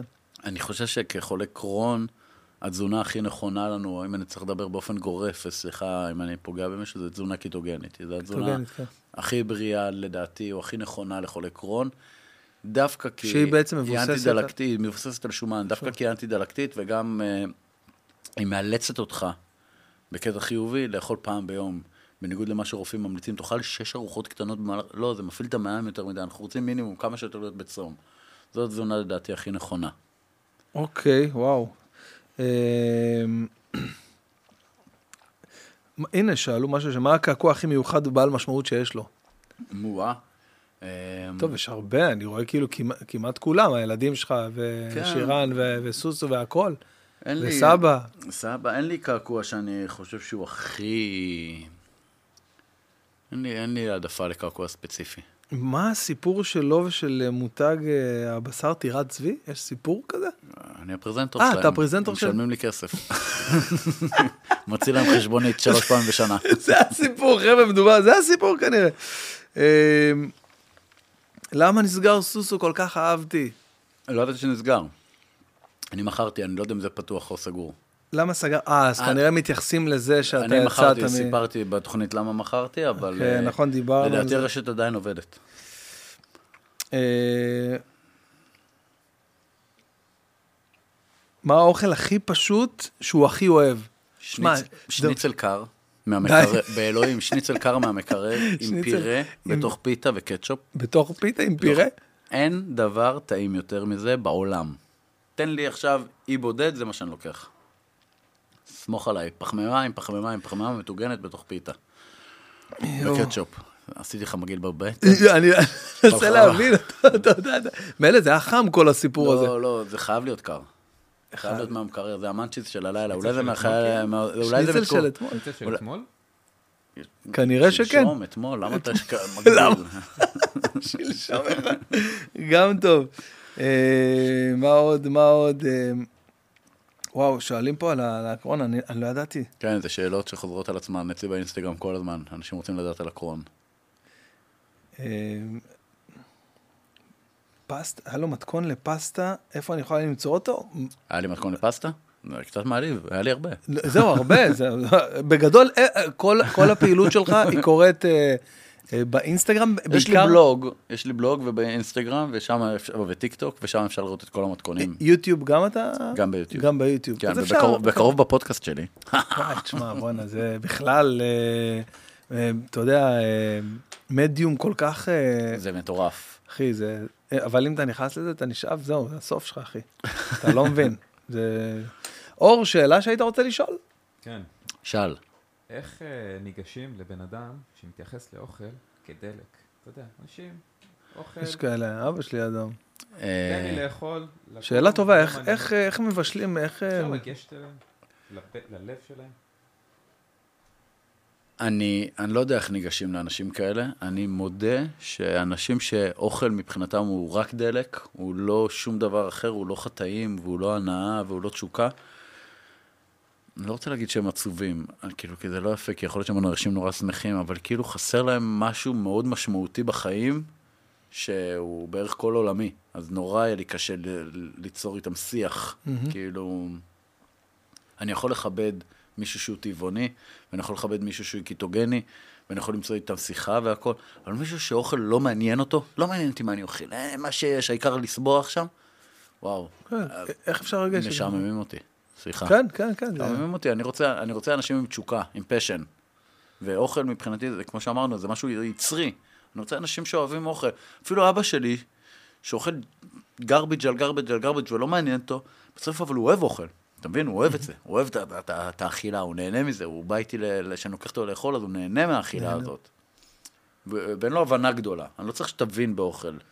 אמרת בתחילת זה שאבא שלך לא כל כך הבין מה אתה עושה, אבל הייתה איזה נקודה שהוא אמר, אוקיי, בן שלי, הבנתי שאתה כנראה יודע קצת יותר טוב ממני. כשהייתי בן 23, התחלתי לעבוד בקייטרינג שנקרא Food Art, זה היה 2003, קייטרינג של Food Art, זה היה קייטרינג של האלפיון העליון, לא היה קייטרינג כזה בארץ, לא כשר, כל הצמרת העולם המדינית פה, היו מזמינים אירועים רק משם, 8,000 שקל למנה, אתה יודע, משהו כזה מופרז, והתחלתי לעבוד שם, וזה כבר היה אחרי שלוש-ארבע שנים שאני במסעדות, ואבא שלי הגיע, וזה היה שתי קומות, זה היה בשול, איפה שעל ימי, לימים הוקמה אחר כך חדר האוכל, המסעדה שלי, בשדרות אה, שאול המלך, ואבא שלי נכנס לקומה הראשונה, שזה היה הקומה של הטבחים הפשוטים. שם אנחנו היינו, שהיו מחביאים אותנו, הטבחים המוכרים והטובים היו בקומה למעלה, בקומה וואו. השנייה. ואנחנו היינו למטה, ואמרתי לאבא שלי, אבא, אני, תסתכל לי בעיניים, שנתיים מהיום, המקום הזה שלי. אני אומר לך, אני כובש אותו, לא מעניין אותי כלום. מה אתה אומר? הוא הסתכל, שנתיים אחר כך הפכתי להיות השף של פודארט, ושנה אחר כך פתחתי שם את חדר האוכל. ואז כשהוא בא, הייתי בן 27, והוא בא אליי ואמר לי, אתה זוכר לפני שנתיים אמרת לי? לא האמנתי. הוא אומר לי, אני מכה על חטא, לא האמנתי. וידעתי שזה יקרה, כאילו היה לי תחושת בטן, שהמקום הזה, זה- כאן אני פותח את הקריירה שלי, כאן זה חייב לקרות. כאילו, זה מקדש של אוכל היה מבחינתי, ואמרתי, אני חייב שזה יצליח פה. איזה ניצחון. זה היה, ובעיקר נורא שמחתי כזה, לא, לא זכרתי שאמרתי את זה לאבא שלי, אבל נורא שמחתי ש... שעמדתי במילה שלי. הרגשת, אחי, מדהים, באמת, אני, אנחנו נסיים עם הניצחון הזה בעיניי. איך, איך אפשר שלא? אה, טוב, אה, וביחד לסיום, ננצח. וביחד ננצח, כמובן. לסיום, חשוב להגיד, חברים, אה, פתחנו ערוץ, במיוחד בשבילכם, נקרא המוג'ו בקטנה, ובו כל הפרקים של המוג'ו מתומצתים, מזוקקים, מה שנקרא אורות גבוהים, יענו highlights של הפרק. אה, לשם, שימו אה, עוקב ופעמון כדי לש... לקבל עדכונים על פרקים חדשים. אה, וכמובן, אהבתם, נהניתם, יש לכם את הפרקים המלאים של השעתיים, שלוש, ארבע, כמה שאתם רוצים בערוץ שלי. לא לשכוח גם כאן לשים subscribe ופעמון, זה עוזר לנו תעשו. לקדם את הערוץ. כן, עובדים פה, אה, נותנים אנשים עבודה. נותנים עבודה, הוא עובד קשה, אנחנו חותכים פירות, חבר'ה, חותכים פה פירות, ואנחנו... פלטות פירות. פלטת פירות, אז אה, שימו subscribe, שימו פעמון, וכמובן, שלא אשכח להגיד תודה לכל התומכים שלנו ב super thank you, אני רוצה להגיד הפעם תודה לשי מאיר, אה, לזוהר כהן ולדוד לוי, תודה רבה על התמיכה, לא משנה כמה שמתם, העיקר ששמתם מהלב, וזה באמת באמת מוערך פה אצלנו. אה, למי שרוצה לתמוך בפודקאסט, אה, ממש פה מתחת אפשר לפרגן באהבה, אה, כטוב על לבכם, מה שנקרא. אני הייתי בן בן ברוך עם אה, עומר מילר המלך, אנחנו ניפגש אה, כנראה בתוכנית המשותפת שלי ושל עומר. ממש עוד רגע זה קורה, בפברואר. יאללה, אנחנו נדבר על זה, אבל לא, פברואר קצת אחרי. אחרי כן, שאתה תחזור. אה, אור קטן, הלו Little Light, תודה רבה על הכל. ניפגש חברים, ביי ביי, תהיו אנשים טובים, זה הכי חשוב. ביי ביי.